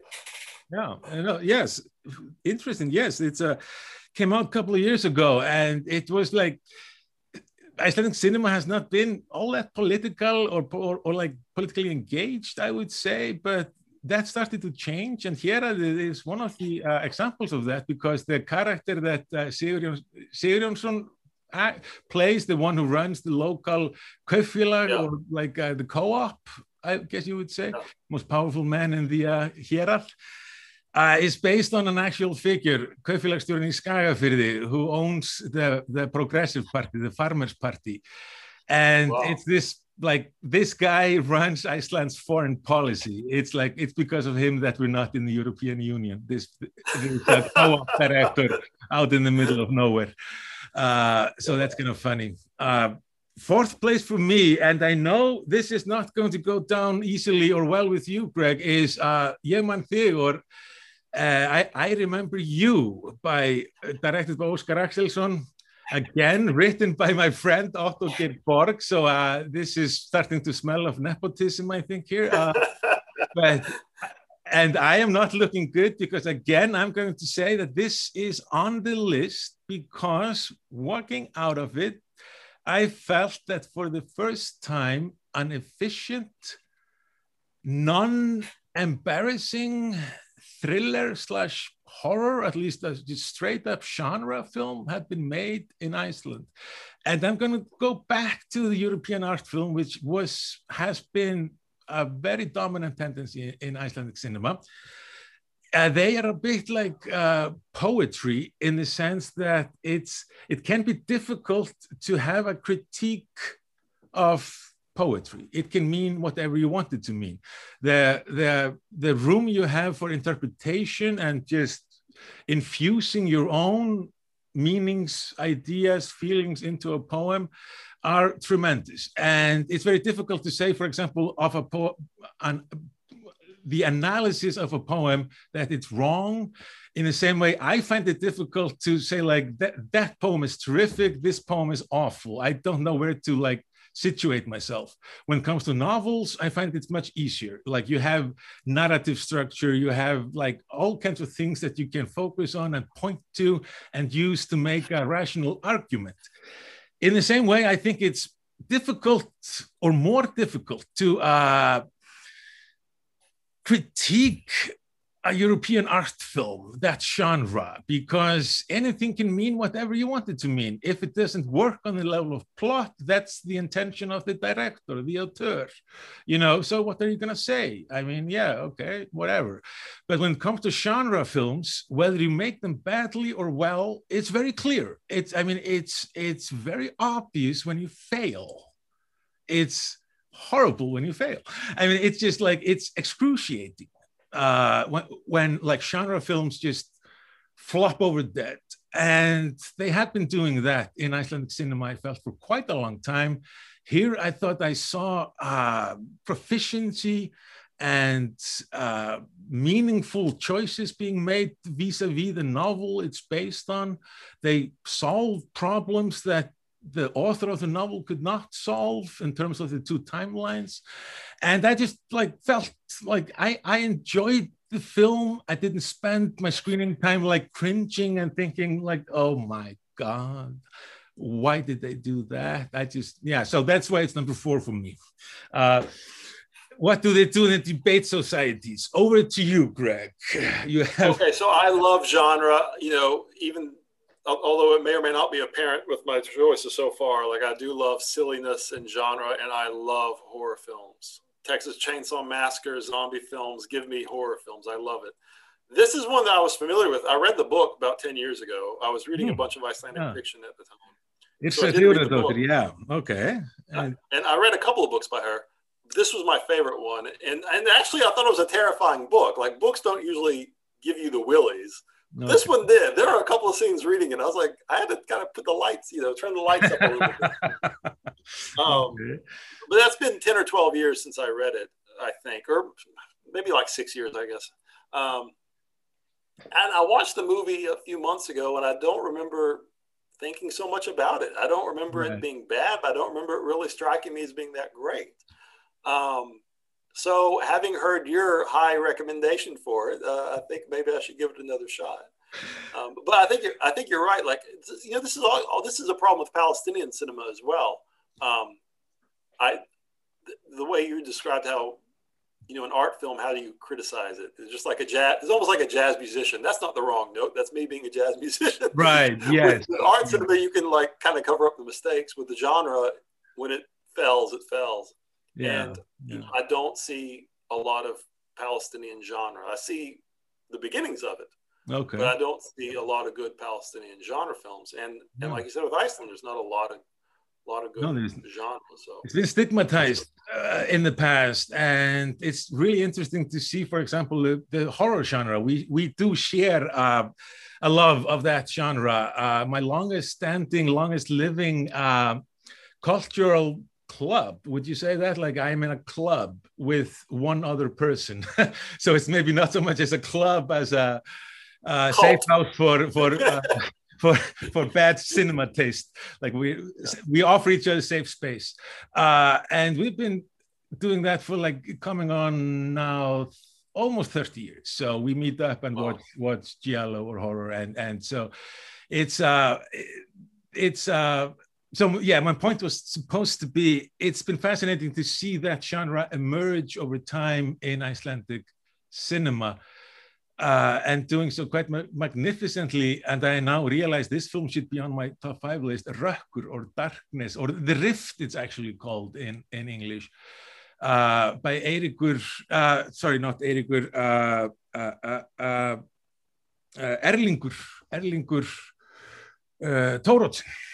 Uh, it's a gay horror film, haunted house film, and it's just beautiful, made for no money, quite quickly, but really efficient and really bloody good. So, Icelandic gay horror film. yes, and it's one of the best films to come out in in the past several years. In my That sounds amazing. yeah, no, I'll uh, we. I know, I know how you feel about horror. I'm just realizing I have to get you a copy of this film somehow because it might be difficult to get a hold of. The other one I've been uh, unable to find is the Reykjavik whaling murder massacre or something like this. It's like Reykjavik Whale Watching Massacre. Yes. Okay. Um, and I'm not sure if it's good or not, but the guy who plays Leatherface in the original Texas Chainsaw Massacre is in it because he's Icelandic. He's a Who good knew that the star of the Texas Chainsaw Massacre is an Iceland. Leatherface is Icelandic. Yes. Uh, exactly. that's uh, that's a good piece of trivia you have right there, Greg, for your friends in Beirut. Uh, but yeah, no, it's. I mean, I'm. It would actually be. I know uh, I have kind of shanghaied you into promising to come back to the podcast and just talk to me about horror and the Texas Chainsaw Massacre. And as the Reykjavik Whale Watching Massacre is obviously a riff on the Texas Chainsaw, I, I it's it's. Uh, we might mention that as well. Then again, I have to get you Sure. somehow a copy. Uh, um, Number three. number three, yes. So for number three, I put Andið Eðlilega um, and breathe normally. Pretty normally, yeah. And breathe normally. Okay. Um, yeah, this was a great film. I, it, it very, you know, I mean, I love the use of cold landscapes. It's so easy to, you know, just point the camera towards the beauty of Iceland and just like, you know, even films look like tourist videos sometimes. But in this one, the cold landscape, it kind of reveals a underprivileged working class side of, of the Mhm. country, not only through the actors in the story, but even through the use of landscape. Um, I love that the, the, you know they tackled the issue of refugees and race, and developed uh, you know solidarity between working class and refugee. And, and I usually don't like children in films, but this is an this is an exception where I actually I like the child actor in the film quite a bit. That's uh, those are fighting words, Greg. I uh, don't like children in film. Do you like them in life, or do you just dislike them overall? I just no, I, I don't I don't necessarily dislike children, but oftentimes in films they annoy Yeah. me. But in this Yeah, one, did not. Yeah i have to say yes uh, I, I when we have shut off the recording i'm going to tell you what i was thinking because i don't feel i can uh, quite say it as the official host of this program not that I, i'm not I'm, I'm, skating close to the brink as is this would push me right over. So sa- save this. But i have to say I, we do have like there is a, a, a point where we, we connect on that one. Uh, what else did you like about Andið Eðlilega? Because I'm really like it's fascinating that the first thing you, sh- you should mention are the cold colors because we had Yeah. Uggadóttir visit us in in the film studies department quite recently, and she went through the packages of stuff she had to prepare before, like in order to get financing. And one of the things she like talked about was the color scheme of the film, what influences were at stake, and how it was precisely cold colors. And she was looking to Fassbinder and others for like uh, uh, like models for how to do that. So of Isold's earlier films, have you seen uh, any of her like short films or, or uh, earlier work? I took a look at her short film Revolution Reykjavik. I couldn't find English subtitles, so I watched most of the film and trying to piece together what was happening. But that's it. That's it. Now we cannot get our hands on feature films here, so just dream on about me seeing short films. You know, it- it's impossible unless you just know the director personally. Uh, So third place for me is a 1978 film called A Murder Story by Reynir Oddsson. Uh, I I'm like uh, like the uh, characters in Ready Player One. I'm like a child of the 1980s, and uh, I grew up with just this, uh, not like just uh, consensus that this might possibly be one of the worst films ever made anywhere at any time. Uh, so I put off seeing it until shockingly, like just last year, last summer, and I wanted to punch myself after the screening for having like I'm not going to divulge how old I am, but I'm quite old. Waited all these years to see it because it's one of the like it's a fantastic film. It's completely unique in Icelandic cinema history. So that's in third place. Morðsaga eftir Reyni Oddsson. What is the genre? Is a crime film a murder mystery? It's a crime film. Uh, it there is a scene where like uh, the two characters go into a cinema and. Uh, it, it's like a couple. They sit down and they're watching a Claude Chabrol film and the guy starts mansplaining like the like the themes and plot of the Chabrol film. And what he's doing is explaining the uh, like just partly the the, the thematic uh, interest of the film. This kind of reflexivity and just playfulness is on display throughout the film despite it being precisely a murder tale it's a rape revenge film. It's Ah, the first feminist film made in Iceland and made to this day be the most feminist film made by a male director in the history of Icelandic cinema. That's not a high bar to clear, by the way. Uh, it, and it features like just these amazing color schemes. It features purple toilet paper, which I've never seen anywhere else in my life. and just there are scenes out of Buñuel. There are shots out of Mizoguchi. It's just it it is just alive with cinema. Plus, I don't see why this isn't your number one choice after hearing that description. That sounds like the best film of Iceland's entire cinematic history.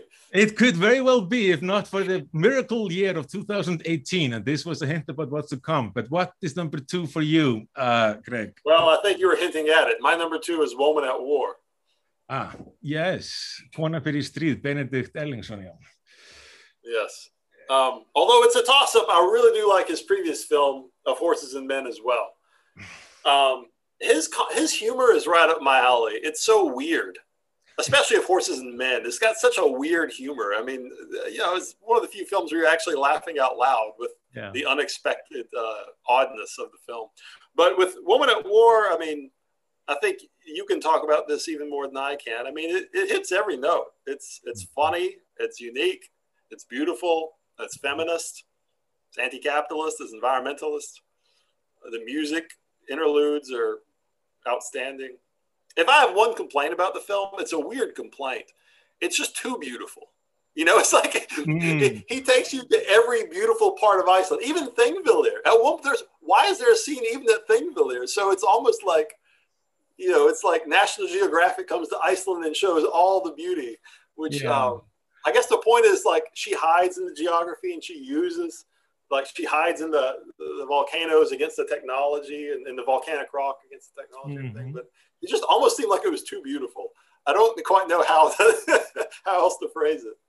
Yeah, no, it's uh, uh I'm ashamed to say this, but I forget the cinematographer's name, but he shot both Hross í oss and and fyrir stríð. He's one of our our very best cinematographers and and uh he works really well with Benedikt, definitely. Uh he I I I can't say any more right now, but I'm going to ask you to just continue, Greg, if you would, because I cheated horribly and I have two films in number one. So I'm going to wait an extra turn and just ask you right now your favorite Icelandic film. I have to go with Virgin Mountain. I have to go with Fusi. Usi. Yes. Fusi. Fusi touched me very deeply. I've watched it four times, I believe. I love this film. If I ever meet the actor, I think his name is Gunnar Jónsson. Yes. I'm gonna give him a big hug. Uh, yeah. Yes, it's it's great. That's and I know from reading the draft of your article just how much this film means to you and how it spoke to you and and and you did discuss that a little bit earlier in the show and it's fascinating. Yes. Uh, Also, just actor does such a good job. I kind of became Yeah. obsessed with him and was trying to watch all the things he's been in. You know, he was he was uh, in one of the first Icelandic films. He was in um, where what's it called? Where flies the raven? Where the raven flies? One of these Viking revenge films. Hrafninn Hrafninn Flýgur. Yeah, he, he Hmm. plays one of the little one of the, one of the main characters like assistants who get slaughtered halfway through the film. He's like, you know, he's like 19 or something in that. I film. don't think I'd ever made that connection. You Yeah, are seeing the same people pop up everywhere, and you're mapping this kind of like uh, uh, and he's in he's in and um and breathe normally he plays Sure. a social worker in this film and he has such he speaks english to the refugee in the film and he's like Yeah. such a humanity about him like he does this really good heartwarming sadness very very well and in in Fusi, he's allowed to shine because he's the star. And it's like it brings tears to your eyes as you watch the film. Yeah. he like such a he plays such a beautiful gentle kind-hearted person who is misunderstood and abused by everybody around him except except at one point in the film um, there are some immigrant workers that he's with and they're the only people who are nice to him in the film. Yes, the immigrants who can't speak icelandic very well treat him as an equal yes. Everybody else treats him like trash and i thought that was another great aspect of the film and you know what is the, you know it's a very good political part of the film Dagur Kári is like he he became quite early like the uh like people like if if if gambling was not illegal in Iceland and people had placed bets on like who was going to be like the like our Lars von Trier or Thomas Vinterberg or whatever like Schlöndorff or like he was going to be the uh like carrier of the flame of the Icelandic art film and because he started out with Nói Albínói after graduating from the Danish film school and I think he really came into his own with this very film. Like, I mean, this is like, this is what, and it just, because of my earlier comments about the European art cinema, and he's moving from that to a more kind of like humanistic, straight up narrative storytelling and so forth. But he really shines at that. Uh, Yes. Interestingly enough, so Fusi, the Virgin Mountain, number one.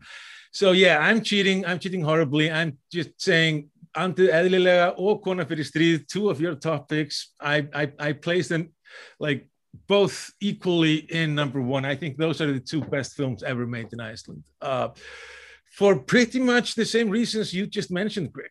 Uh, I, I, uh, I, I agreed 100% with your assessment of them, and I love them both. Uh, they're both fantastic. And uh, 2018 was just this incredible year for Icelandic cinema. You had these two films, and then Lof mér að falla or Allow Me to Fall by Baldvin Z, uh, drugs and stuff.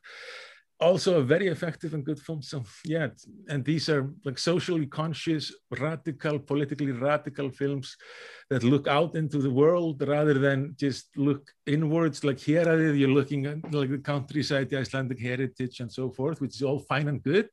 But it's it's such a rarity for Icelandic films to do this that they were just seemed like a breakthrough to me. So thank you for participating, Greg. I, uh, any runners up or any honorable mentions? Was it someone that you like had to really tear your heart out not to include?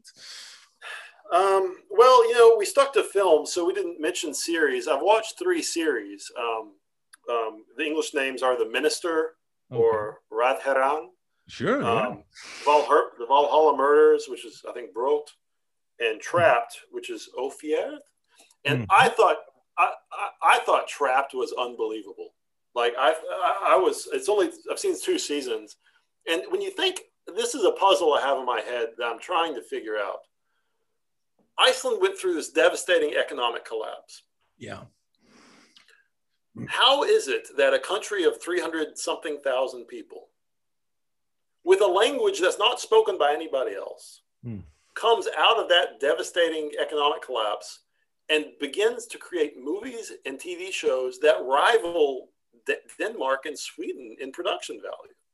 And I think Trapped is a perfect perfect example of that. Like Trapped, it's it's every bit as good as like The Bridge, the Mhm. famous Danish Swedish one. Sure. Uh, it's it's it's I thought I thought it was phenomenal. In fact, I like it I like it more than any of the films that the creator directed.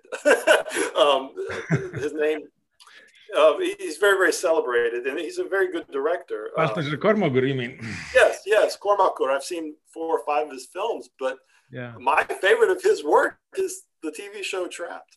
Oh, yeah. No, it's yeah. It's uh it's I I you asked a very pertinent question right there, Greg. And there is something that happened in the 21st century. It started gaining momentum in the first decade, like 2001 to 2010, but it's really taken off, I think, now in the second decade. And I have theories about it, which uh, which I want to run by you privately before I air them out publicly, just to uh, to to make sure I do not become a laughing stock. But it's a very good question, and and I do think we're on a really good trajectory with Icelandic cinema. Uh, for myself, it's mainly Rokland, and as I mentioned, the horror, gay, the gay horror film by Erlingur Thoroddsen, Rift, uh, Rökkur, and then Rokland by Martin. So I've seen Rokland. Okay. Did are you as surprised by that choice as you were by some of the authors on my list? Uh, yeah, I uh, it had parts I liked, but I would like to hear your defense of the film before I say more. You, you're just being so sweet and polite. Thank you for that, Greg. Uh, uh, you know, it's uh, in a in, in a sentence, it depicts like a seaside country town in the like on the west fjord or the north side of the country. It could be on either of those places in a way that nobody had done before. We have like a real thing with the pastoral, like and and the kind of Arcadian, like sense of like Reykjavik, this huge urban metropolis, is like where everything evil happens and people come to be engulfed by the sins of the city and these like femme fatales. I mean, we're talking about the city of maybe 50,000 people when most of the books that dealt with this were written, which would not even amount to a town in most countries. But this big metropolitan urban nightmare was has always been contrasted with this idealistic utopian pastoral vision of the countryside. It's what we lost entering modernity. Well, my experience is that those places are shitholes, uh, and uh, like you, you have to like sh- shoot me in order for to make me live there. And Rokland is the only film that shows that. I think demonstrates that, and it has Ólafur Darri in such incredible form. He's just so, and it with the cartoons from Egil Saga, the the medieval Viking heritage, just making fun of it again. You don't do that in Iceland, let me tell you, Greg. You don't make fun of the Vikings. Uh, and thirdly, um, it's it's um, it's based on a novel by Hallgrímur Helgason, the same guy who wrote 101 Reykjavik, and he's an immensely funny author who writes way too long uh, novels usually, and the films based on them are better than the books because they are short shorter. And I think some of the really good, good critiques and jokes from the book are pulled out. The ending is kind of crazy. It does Under the Tree before Under the Tree was made, uh, just ending in this surreal bloodshed, you know, uh, people noticed it under the tree and celebrated it. They hated it when Rokland did it. So several reasons. This was more than one sentence. I realize I, I can run on a bit, uh, but No, I, really- mean, I like I like the very beginning of this character who's like he, he's so angry at his students. He's trying to treat them like he himself is the star of one of the sagas, yeah, and, Yeah. and it turned into like I know, Jodorowsky slash Fear and Loathing in Las Vegas, but in Iceland with like this crazy like murderous trip he takes. So you know, there's things I appreciated about it, but the story was it kind of meandered and went in strange ways. Uh, uh, uh, it was a bit lost on me. It was a bit lost on me. He was Perhaps cultural blogging. He was on the internet blogging, and what we have there is like the start of the like like the QAnon, the kind of like incels, all that hate culture, uh, like in the world. In Iceland, we are not quite forceful enough to have that. What we have are cranky men complaining about everything, and he just that so so perfectly. I thought. this actor, this actor, um, Yeah. the first time I saw him was in the HBO True Detective series. he plays a very, very first bit part. Yeah, Yeah, and his like two minutes where he speaks across the table to Matthew McConaughey is devastatingly good. Like it's terrifying. Like the way he plays that character, and he, I guess he's American born or lived his childhood in America because his accent. He even gets like this like Louisiana Cajun accent, like the way he speaks. It's really, really well done. we went to grade school together, so I can confirm that he was not living in America. We oh, went Oh, well, to grade school from ages He's eight. mastered to- American English, that's for sure. But he is a master of American English. Yes.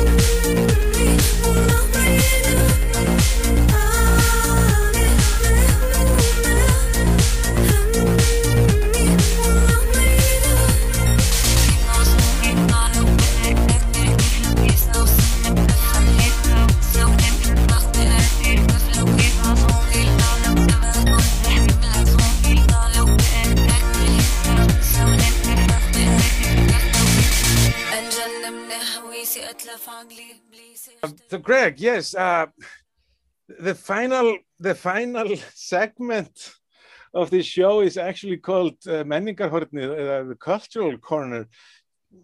I hope it sounds better in Icelandic than it does in English when I'm translating it now, but it's sort of where I I uh, ask the guests to recommend a film they've seen recently and liked for some reason to uh, and then I will do the same. Do you have a film, Greg, that you've seen recently and and, and can recommend? Okay, I have something that probably comes out of left field. Um, but it's a movie that I think really, and I'm, I'm not really sure why, but I think it speaks to our current moment. I know in this past year with the blast and COVID and the economic collapse and Trump and everything else, I've been needing films that express my rage. And the film, one of the films that did this is a film from 2013 called Cheap Thrills. This is an independent American film. It's part of like the mumble gore movement, if you're familiar. It's like a- sure, the mumblecore, the uh, uh, yeah, yeah, yeah, yeah. So it's kind of a mumblegore film. Uh, it's about a really rich couple that meets a couple of down and out guys and starts paying them to do challenges. And the challenges get crazier and crazier and more deadly. And so it's a crazy night of people making easy money by doing violent, crazy actions. It's kind of a comedy, it's kind of a horror, cheap thrills. Um, it Is speaks to the moment. Is it Fight way. Clubby? Is it Fight Clubby?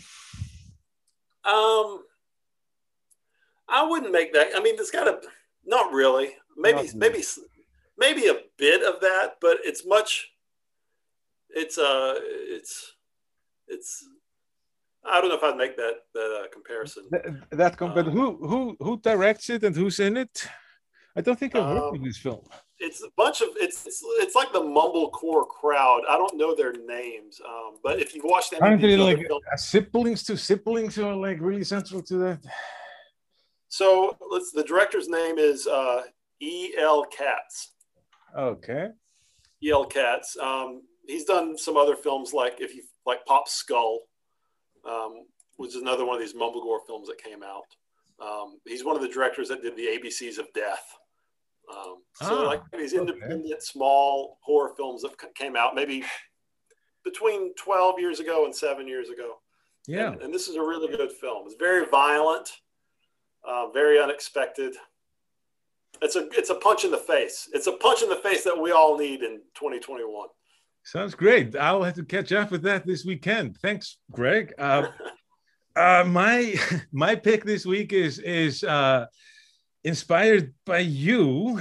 Uh, you mentioned this film to me as uh, content, like I. Well, let me backtrack a little bit. We were talking about Drive and Nicolas Winding Refn. Uh, that's the reason he was in the psychological profile earlier.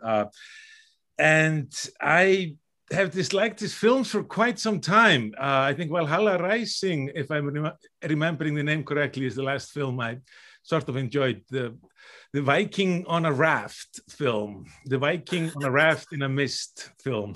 One-eyed Viking on a raft. One-eyed Viking, yes, the Viggo Mortensen one-eyed Viking on a raft in the mist. Um, but you suggested to me um, the film I've chosen, which is Only God Forgives from 2013. And what persuaded me was your comment about how people who like Drive tended to hate Only God Forgives, while those who hated Drive tended to love it. And as I fall into the latter category, uh, uh, I decided to see if this was true. And I hate being a cliche, but uh, it turned out to be true. Uh, my Letterboxd rating for this film would place it at the very top of Refn's uh, filmography in my books. And just, just, just one small thing I disliked about Drive. I don't think I mentioned this to you when we talked. Uh, it's like Refn just was sadly and tragically bereft of any car education in his youth because he makes a film featuring these amazing, beautiful American muscle cars, and he only shows us the windshield. It's just like a, it's like uh, almost like an atrocity to to commit. But uh, but more generally, and especially for uh, Only God Forgives, uh, I have to say, Nicolas Winding Refn feels to me almost like an escapee from an expressionistic madhouse who has been given access to high-tech software but uh, in terms but what i have for you greg because you you were the one who mentioned this movie to me what i have for you greg is a scene reading a very short list of do's and don'ts based on the film and a refnesque fantasy inspired by the film that if i feel up to it i will share at the end. Uh, but the scene i wanted to to uh, uh, this do a reading of is when uh, Ryan Gosling meets his mom for the first time. Uh, Ryan Gosling, Billy raped and killed a 16-year-old girl. And now that's his Billy is his brother. He's talking to his mom after Billy has been killed in revenge for the rape murder. Their mom, I'm sure he had his reasons. Uh, and this is not over. This is now, now we move into total schlock, mommy dearest territory. Mom continues, don't worry, I'm sure it's been hard for you. You've lost your brother. I'll take care of the yellow nigger who killed my son. It's too much for you. Now get up and kiss your mother. And I just felt like I was elevated by this scene, which is either the best written scene ever in an exploitation film or just the worst. I can't make up my mind. A provisional list, and I should mention they're both bathed in intense red light throughout. Uh, the expressionistic madhouse was a reference to just the and the just unsurveilled access to computer technology. There is nothing in his film that's just not bathed. It's like Mario Bava 2.0. It's just everything is bathed in strong colors but the provisional list of do's and don'ts when grabbing a man lying on the floor and dragging him into another room. Don't. Don't grab him in the mouth because he'll bite your fingers off. That's my list. I don't have any more do's or don'ts based on the film, but that's a definite don't. Don't do that. Don't do it the way Ryan Gosling does it. Now, my Nicolas Winding fantasy, inspired by Only God Forgives, goes like this. A Thai prostitute is masturbating in front of Neil Armstrong, who sits in a chair, obviously in a brothel. His hands are bound to the armrests with silk cloth. This still life is intercut with another one of Neil Armstrong, sitting in his seat on Apollo 11, unable to move due to G-force. The shuttle is leaving Earth's atmosphere. A Thai prostitute is masturbating in front of him and mic drop. Uh, those are my thoughts on the film. in addition to which, just it's utterly gonzo and bananas and n- never has pure exploitation, schlock and trash art been given been given the kind of high art, uh, uh, the high art. Uh, what's the word I'm missing here? Given the high art treatment, like Refn does in this film, it's so violent, it's so insane, and it features the most violent scene I have seen this side of the house that Jack built, which is when the Japanese, uh, sorry, the uh, the Thai police officer punishes the man who will not listen and who won't speak the truth. I just, I he will I never listen or speak again. I no, I I I just I had to give myself a hug after that scene. Uh, what do you like this- about the movie, Greg? Because now you're the one recommending. it. you know, this is a, I, I, unlike you. I love Drive. I think Drive is an excellent film. I, I, it's I, I'm I, there was a time in my life I was strangely obsessed with Drive, and and part of the reason I liked it is I mean Nicolas Refn's a strange bird. I mean he doesn't drive. He doesn't know how to drive. Right? That's obvious if you see the movie. Yeah. He, uh, literally, he doesn't have a license. He doesn't know to drive. Yeah. But I think that's part of it because everybody that was just saw the advertisements was expecting like a Fast and the Furious movie, and instead it's like the anti-Fast and Furious movie. Um, yeah. the other interesting thing about Refn is he's colorblind. Um, I don't No know way. exactly. Is he color? Yeah, he's colorblind. He can only see like extreme shades of color. So you know, his cinematographer, he just tells him to amp up the color, amp up the color, and so his films are just the, as you say, the color is just it's saturated. Only God Forgives is saturated in color. Oh yeah. Um, Oh yeah. it's it's one of the few, maybe the only film in my life I've ever watched, like at home on a DVD player. And as soon as the credits rolled, I restarted it and watched it from beginning to end a second time, right, right there in the room. I mean, it's, it, Oh, just, it blew me away. I had to see that second time. Let- me say one thing though. I think um, Refn himself has said that he kind of sees Valhalla Rising, the the one-eyed Viking on a raft film, and Drive and Only God Forgives is a trilogy starring the same character that keeps getting reincarnated. So, in his view, One Eye is reincarnated as Ryan Gosling in Drive, the driver, is then reincarnated as the Thai policeman in Only God Forgives. Ah. And when you look at it that way, what are what what brings these these characters together is they're all witnesses, right? And they're witnessing the American Empire. So, in in the Viking film, one eye witnesses the birth of American Empire with these Christian Vikings who are raping and killing everybody, going west to the New World. The in drive Mhm. it's after they've that that manifest destiny has finally reached you know from continent to continent to california's shore and it's this world of crime and uh, it- yeah it's like the modern era whereas america's reached the pacific. And then the third incarnation which is only god forgives american empire gone global capitalism at its most decadent every western character in this film is the most despicable character you have ever seen yeah. on the Oh, silver yeah. screen Oh, yeah. so those three films together kind of tell the story of American empire. That's a fascinating reading. I just I I love that reading. Uh Drive just went up a notch in my estimation just through that interpretation. Uh Success. Thank you so much for being with me, Greg, on the show. It's been uh, it's been nothing but pleasure to talk to you. It's also been extremely informative and insightful. Uh, I am going to try to get you back, uh, but thank you, Greg. Thanks for being here. Um, speak to you soon. Talk it. Talk it. This is all my pleasure. Thank you so much. I really enjoyed it. Í þættinum heyrðum við lög með Nadim Mislavi, það var Dream No. 7. Við heyrðum Under Pressure með Tanja Retteta Gett og Maraita með Jasmín Hamdan. Ingangsstefið í þættinum er eftir Frans Schubert, útstefið er eftir Þorgrím Andra Einarsson, framleiðandir kvikmyndafræði Háskóla Íslands, Þáttarstjórnir í höndum Björns Þós Viljámssonar, tæknisniðir eftir Kjartan Má Ómarsson, við þökkum fyrir okkur.